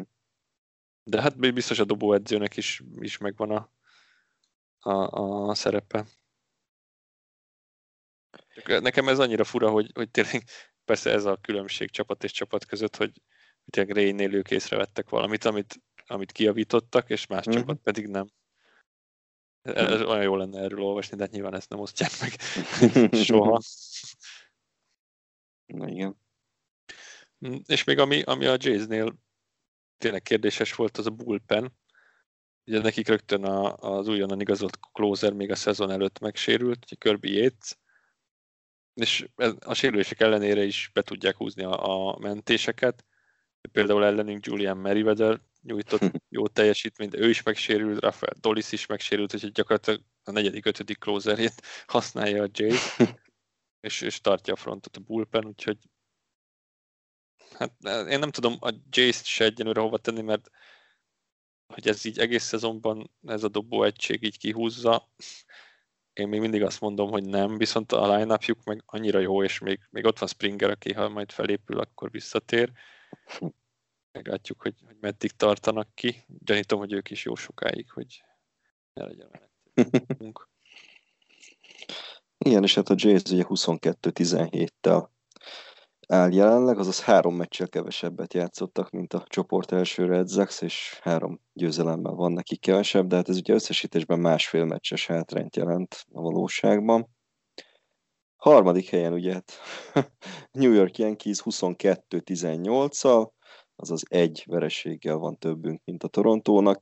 Hát rólunk csak tényleg pár szóban ugye annyit kell tudni, hogy rettenetes szezonkezdés után, amikor még American League utolsó helyen is álltunk egy ideig, szárnyalni kezdett a csapat, tényleg szériáról szériára be tudnak húzni kulcsfontosságú mérkőzéseket, illetve a szériákat is nyerjük, ugye. És hát az ütőknek hol jobb, hol rosszabb, inkább rosszabb napja van, de a dobók azok, azok tényleg vállukra vették a csapatot, és, és nem hagyják veszni ezt a szezont és hát mi is két meccsel vagyunk ugye a Red Sox mögött, illetve kettővel kevesebbet is játszottunk. Szorosan mögöttünk egy győzelemmel és egy verességgel is többet szerezve, 23-19-el pedig a Tampa Bay Rays. Tehát ez, ez, ez a csoport első négy, ez nagyon-nagyon együtt van. És semmi meglepetés tulajdonképpen klasszikus Tampa Bay valaki mindig extra meccset hoz, legyen az akár Joey Wendell, Austin Meadows, Manuel Margot, Willi Adames, Randy Arozarena, akárki tulajdonképpen, tényleg azt beszéltük a részről, hogyha behívnának valakit meccs előtt az utcáról, hogy te figyú kéne játszani egy baseball meccset, ő is valószínűleg 3 per 2-vel és, és nem tudom, két duplával, meg 5 RBI-jal zárna azon a mérkőzésen. Aki nagyon-nagyon kiemelkedik itt az egész csapatból, az éppen dobófronton Tyler Glasnow, akinek nincs szinte olyan meccse, hogy ne 10 strikeout felett szórjon egy meccsem. A bullpen pedig szintén egy pozitív meglepetés, mármint azért meglepetés csak, mert ugye ott is elég sok a sérült, és ennek ellenére tudják tartani magukat. Hát a rotációban pedig szintén megint csak nem lepődtünk meg, hogy ott is össze tudják tákolni akár milyen emberekből azt, hogy, hogy ki tudnak állítani 5-6 olyan embert, aki, aki simán felveszi a kesztyűt a többi csapattal, főleg ellenünk. Rich Hill, köszönjük. Igen, Rich Hill, 104 évesen két meccsen szivatott meg minket eddig talán a szezonban. Igen. De olyan szinten, hogy, hogy közünk nincsen a dobásaihoz. És ö, egy, egy negatív érdekesség, ö, hogy a Rays ütői gyűjtötték eddig a legtöbb strikeoutot, 483-at a szezon során, az azért eddig nem volt annyira jellemző rájuk. Ez, ez számomra meglepetés, hogy nekem valahogy a Rays az mindig úgy volt elkönyvelve, hogy egy ilyen kontakt csapat, uh-huh. ez, ezzel uh, mennek az idegeinkre, de gyűjtögetik a strikeoutot. Szép számmal, meg osztják is, hát azt. De emlékszem például, hogy amikor minket söpörtek a Bronxban, akkor épp Joey Wendell volt az, aki, aki nagy szériát hozott, aztán kicsit csendesebb volt, ott Willi Adams vágott egy-két homránt, nagyon fontos homránt. Ja, például a Randy Arozarena azért nagyon messze teljesít a tavalyi playoff-tól, még attól azt nehéz megismételni. Igen. De nem tudom, láttad-e azt a védekezést, amikor azt hiszem Kiermaier elveszítette a, a flight. Igen, igen, igen, és nem tudta, hogy hol van, és meg berohant mögötte, és én betődve elkapta a levegőben. Igen. Igen, igen, igen. De például most pont a, a csütörtöki meccsen, hogy a Meadows, Meadows vágott három pontos homerun ha jól emlékszem. Mm-hmm. Ez valami, szóval, igen, azt hiszem hármat. Hármat. Úgyhogy, úgyhogy mindig van valaki, aki, aki így gyakorlatilag megnyeri a résznek a meccset. Hm. Uh, illetve ami még érdekes, ugye, hogy náluk van a, a legnagyobb tehetségnek számító Vander Franco, AAA-ben, és az MLB.com-on minden nap írják, hogy Franco mit csinált, és volt már Grand Slam-je, egy pár hazafutása, úgyhogy nagyon jók a kilátások. Valószínűleg őt látni fogjuk idén. Hm. És valószínűleg nem fogjuk szeretni majd.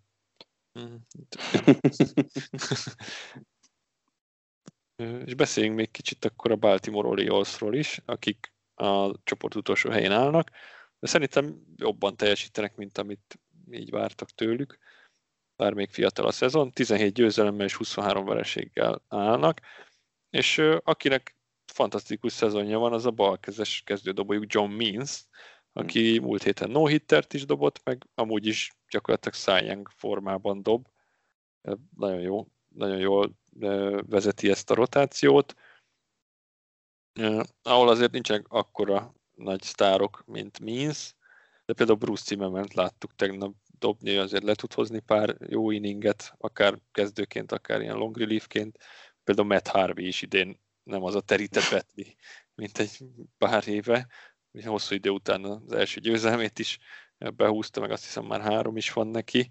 Most aztán New Yorkban a Mets, mikor visszatért a City Fieldre azért megcsapkodta, de Szerintem Harvitól teljesen jó ez, amit, amit eddig nyújt Zori használ. Szerintem összeteszik a két kezüket, hogy legalább ennyit kisajtolnak belőle.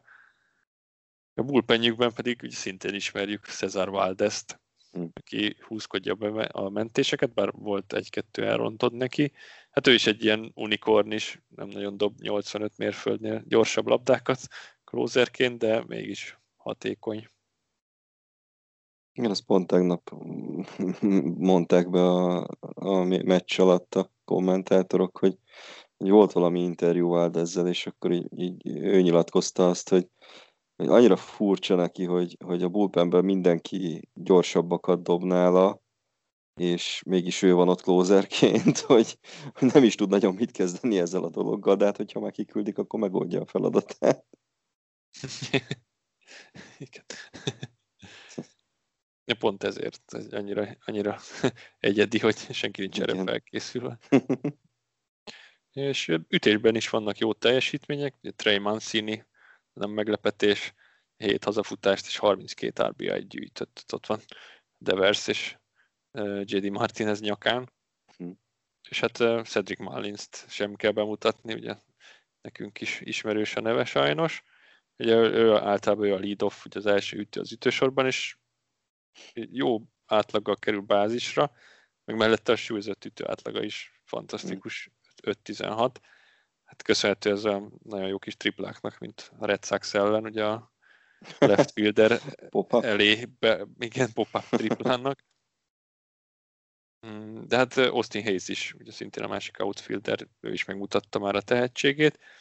Aki egy kicsit, vagy hát nagyon alul teljesít, szerintem az Ryan Mountcastle, talán talán ébredezik, kicsit jobb átlagokkal üt, mint áprilisban, de tőle sokkal többet vártak így a tavalyi szezon alapján. De én összességében azt mondom, hogy ez nem egy, nem egy elveszett szezon eddig az Oriolsnak, főleg Means miatt, meg Mancini, hogy ilyen jól tért vissza, meg Malins mm. miatt, de tehát tőlük más nem vártak az utolsó helyet a csoportban, de azért borsot tudnak törni. Hmm, szerintem bármelyik csapat orra alá egy-egy meccsen. Így van. És ezt szerintem a Means no hitter miatt ez már egy, egy sikeres szezon, így május közepén nekik. Igen. A perfect, perfect game, ami nem volt perfect game. igen, igen. Amúgy, aki nekem nagyon szimpatikus ebből az oszból, a Severino, a catcher. Annyira, nem tudom, olyan elánnal tudja tényleg belevetni magát a meccsekbe, és, és, és olyan szinten affektál akár a dobásokhoz, akár a bírói ítéletekhez, hogy, hogy imádom. Amikor, főleg amikor home run ütnek valamelyik dobójáról, és akkor így, amely, abban a pillanatban, ahogy csattan a labda az ütőn, abban a pillanatban már így, így veszi le a maszkot, és így ordít kifelé, ilyen undorral az arcán. Nagyon-nagyon bírom őt. De amúgy ez az Orioles, ez egy egész szimpatikus csapat. Nincs hát, benne mindig azok el. szerintem, tehát Igen. valahogy nem tudom, lehet, hogy a narancsárga szín miatt, vagy nem tudom miért. A stadion. Igen. De, de ők tényleg ők valahogy, és nem csak azért, mert hogy ez a szimpatikus vesztesek, hogy rosszul megy nekik, mert amikor, amikor nem tudom én 2012-ben ELDS-t játszottunk ellenük, akkor is számomra egy tök szimpatikus csapat volt. Robitól, hogy megkapjuk azért, mert Baltimore Orioles vagyunk. Igen. És hát ugye, hát még, még nem tudom, még egy pár szót a, a kis kedvenceinkről azért mondjunk, szerintem ugye ilyen kizről, hogy ugye az, az, az botrányos, hogy, hogy hány autót csinálunk a bázisokon, hát abban, abban szerintem vezetjük még mindig a ligát. Illetve... Jó öreg, jó öreg Tud Blan. a retartságok a bázison. Igen. Mutató száma. abban is, meg ugye hát a, a dupla játékba ütés is, ami, ami valami egészen fantasztikus érzéke van ahhoz egy-egy játékosunknak, hogy, hogy egy jól induló rallit azt így tökéletesen kinyírjon egy, egy jól időzített dupla játékkal, tehát rossz nézni konkrétan, amikor most is valamelyik meccsen volt, hogy, hogy elkezdtünk éledezni, első két vagy három ember bázisra került, és akkor kapásból egy dupla játékkal két out meg is volt, hiába, hogy bejött egy pont belőle. Szóval az ilyeneket azért tényleg hanyagolhatná most már a csapat, mert az a durva, hogy még ilyenek mellett is ennyire jól sikerült az utolsó, nem tudom én, két, két és fél hetünk. Igen, és én például ezért várom a Texas Rangers elleni szériát, meg ez az egész hét mert nem hiszem, hogy a White Sox mondjuk söpörne minket, vagy hogy nagyon alárendelt szerepet játszanak, de a Texas Rangers azért lesz egy jó fokmérő, mert őket meg kell verni, és akkor ott a White Sox, akikhez meg önbizalommal mehetünk majd, mm-hmm. illetve várhatjuk őket, hogy jönnek, és az, az, az meg tényleg egy jó mutató lesz, hogy velük hogy meccselünk. Igen, itt ez egy jó erőfelmérő lesz egyébként, ugye a White Sox elleni három meccs, meg utána a Blue Jays elleni három aztán meg megyünk Detroitba, ami, ami talán jó lesz egy kicsit ilyen újra ilyen önbizalom visszaszerzésnek, hogyha esetleg ez a hat meccses homestand ez nem úgy alakulna, hogy alakulna, hogy szeretnénk. Közben rákerestem, hogyha valaki nem ismeri a Toot Blunt, hogy az micsoda, mit mutat meg, az a thrown out on the basis like a nincompoop, azaz, hogy, hogy akit kidobnak a bázisokon, mint egy tökfilkót Tényleg azt, azt mutatja, hogy ki, ki követel valami elképesztő retardáltságot a fázison. Melki messze? Melki messze, például. a klasszikus. Öm, és akkor nézzük a heti statisztikáinkat. Ebből is készültünk természetesen egy csokorral. Ki mással kezdhetnénk, mint az ászunkkal, Gerrit Kollal, aki idén már öt olyan mérkőzést hozott le, ahol legalább 10 strikeoutot megcsinált, és nem volt sétája. És ilyen még sosem volt ilyen kis történetében, hogy egy dobó egy szezon alatt legalább ötször ilyen startot virítson. És május 17-e van. Szerintem minden héten lesz majd, hogy hat meccset hozott Ez már hatodik.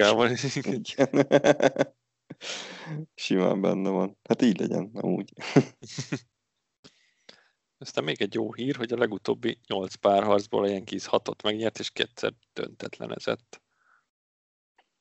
Igen, ez azért mutatja azt, hogy tényleg elkapta a fonalat a csapat egy kicsit. Mondjuk igaz, hogy a hat győzelemből csak egy volt söprés, az egy-egy ilyen buta vereség mindig becsúszott, de, de ettől függetlenül ez egy nagyon jó jel és egy jó út, amire rálépett a csapat. Stenger úgy is megmondta, hogy ez a, ez, ez a lényeg, ez a követendő út. Nem azért fizetik őt, hogy három meccset nyerjen háromból, hanem azért, hogy kettőt. Igen. És hát a katalizátora ennek a nagyon jó szériánknak részben Aaron Judge volt, főleg az utóbbi hat meccsen, ugyanis hat meccses hitting streakben van, ami alatt hát egészen elképesztő 60%-os ütő átlaga van, ugye 20 ütés az ellensból 12 találatot ért el, ütött 5 hazafutást és szerzett 6 RBI-t, emellett pedig ugye összesen most már 12 hazafutásával holt versenyben vezeti az egész Major League-nek a home run listáját, ugye Ronald Acuna Jr. és Henniger mellett.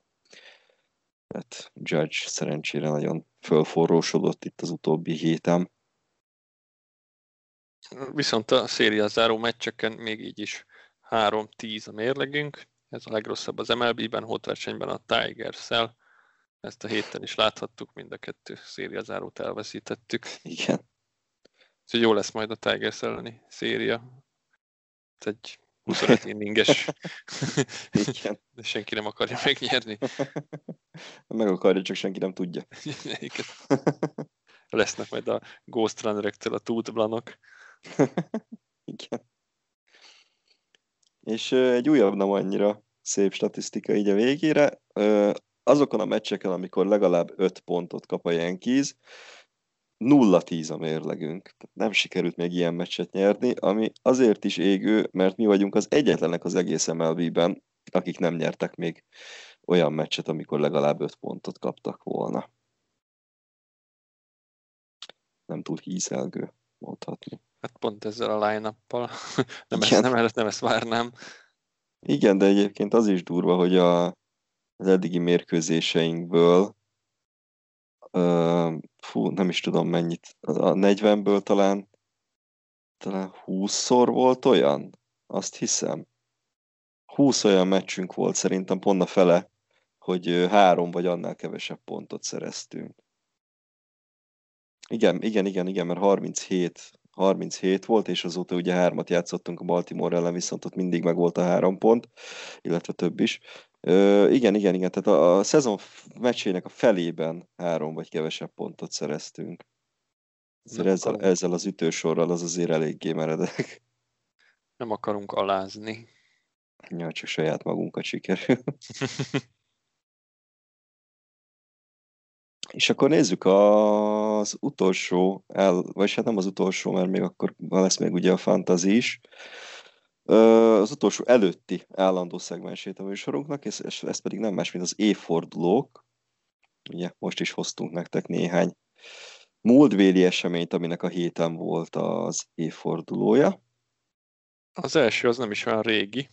2014. május 12-én Alfonso Soriano lett a hetedik játékos az MLB történetében, aki mind az American League-ben, mind a National League-ben elért ezer-ezer találatot.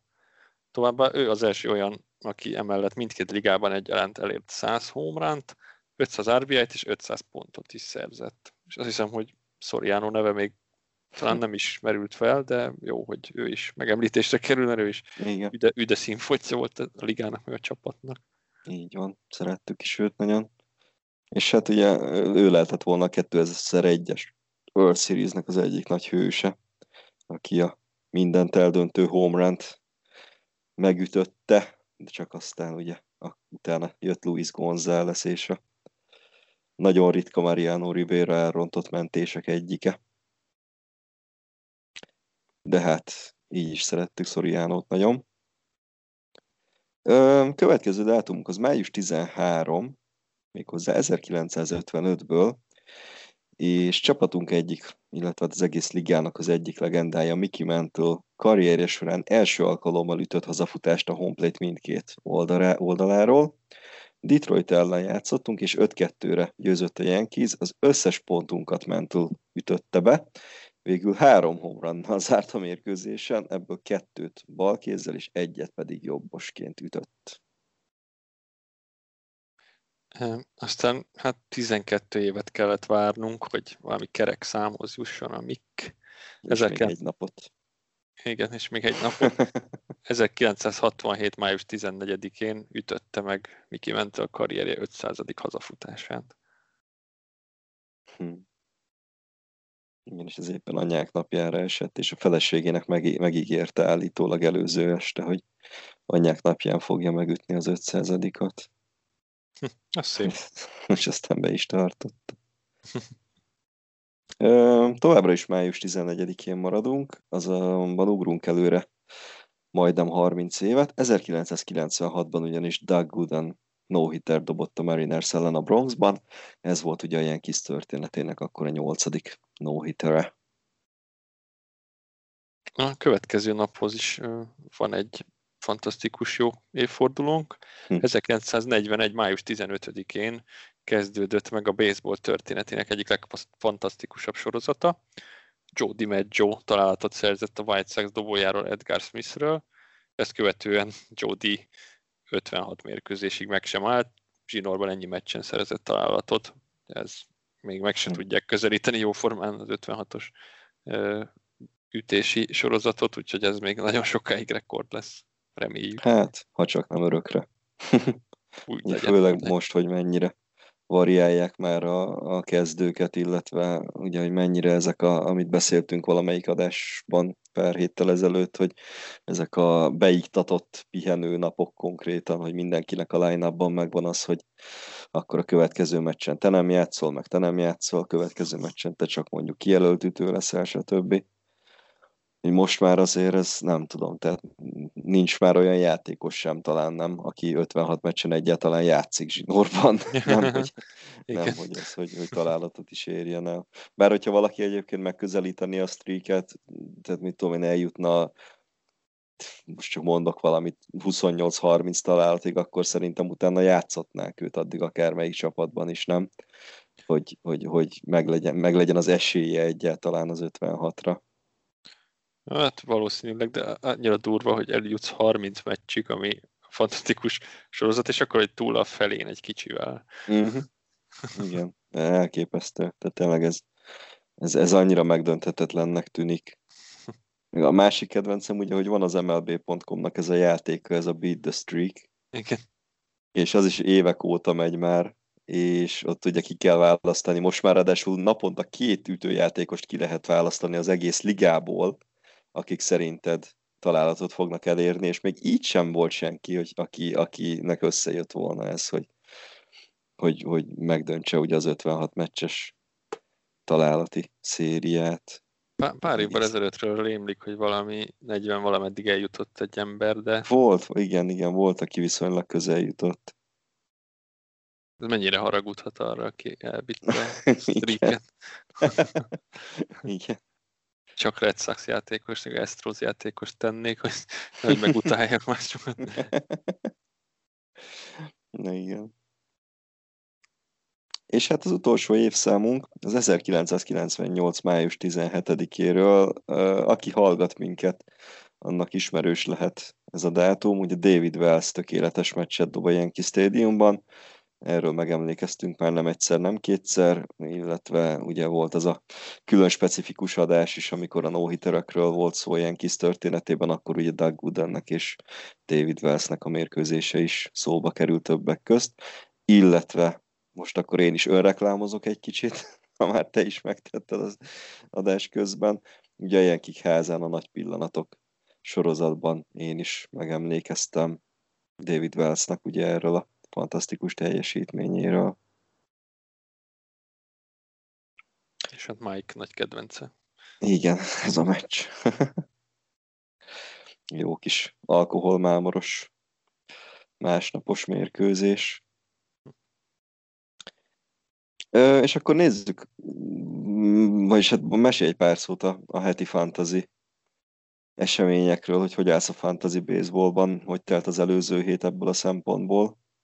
Nekem nagyon jól sikerült, egy nagyon szoros csatában nyertem 6-2-2-re, két kategóriában döntetlenre végeztünk, de azt nézem, hogy például a Ránt is egyel vittem, a Home Run kettővel, Strikeoutba hárommal kaptam ki, hm, úgyhogy tényleg gyakorlatilag minden kategória nagyon szoros volt. Hm, az volt a szerencsém, hogy itt a tegnapi napon a Cardinals Padres volt a hajnali meccs, tehát nekünk hajnali, ugye az legutolsó meccs, uh-huh. és Arenado vágott egy homerun, meg Dylan Carson is körbeért, úgyhogy így a ránokat, meg a homerunokat vittem. Úgyhogy gyakorlatilag ez, ez az utolsó ez mérkőzés döntött az én javamra, úgyhogy jelenleg második vagyok a csoportban. Úgyhogy gyors megnézem Mike-ot, ő pont Robi ellen játszott, és 6-4-re kapott ki. Ó, oh, gratulálunk Robinak akkor ezúton is. igen, igen, és a héten óriási csata van, Mike ellen nyomulok. Ó. Oh.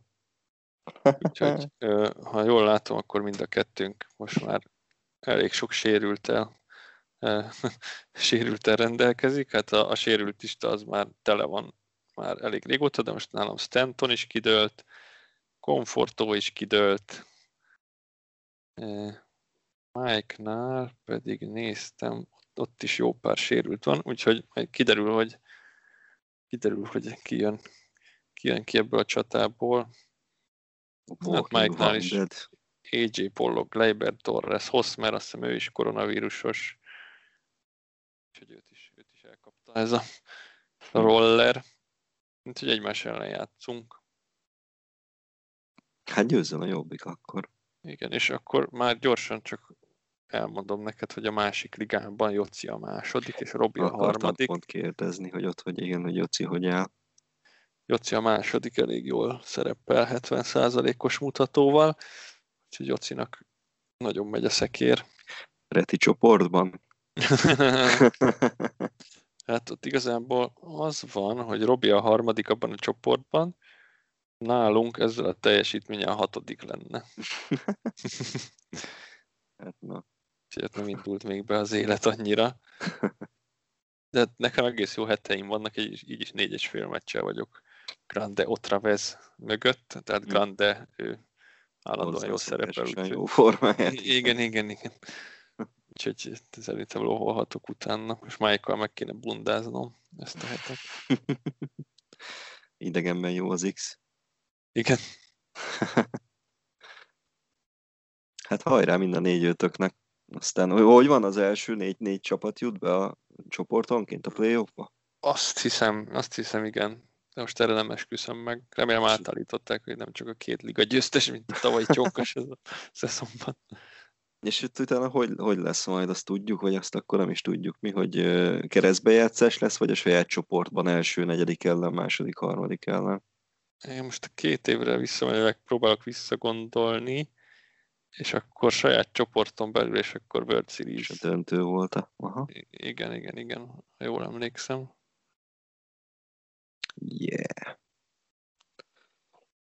Hát akkor mindent bele továbbra is, és akkor majd a jövő héten beszámolunk róla, hogy mi lett a titánok harcának a végeredménye itt a PVS Mike Igen. párharcban. És a héten pedig akkor... Csak igen? Közben ránéztem, igen, 8 csapat jut be a rájátszásba, úgyhogy... Uh-huh. Akkor 4-4. Még hol a vége, de eddig jó vagyok. Csak Mike, Mike ötödik, úgyhogy ő is lőtávolon belül van. Hmm. De hát nagy a küzdelem, mert mögöttem két meccsel vannak, aztán négy meccsel, úgyhogy, úgyhogy itt még nagy küzdés lesz, úgyhogy Mike, ha majd visszahallgatod, bundázzunk. Köszönöm.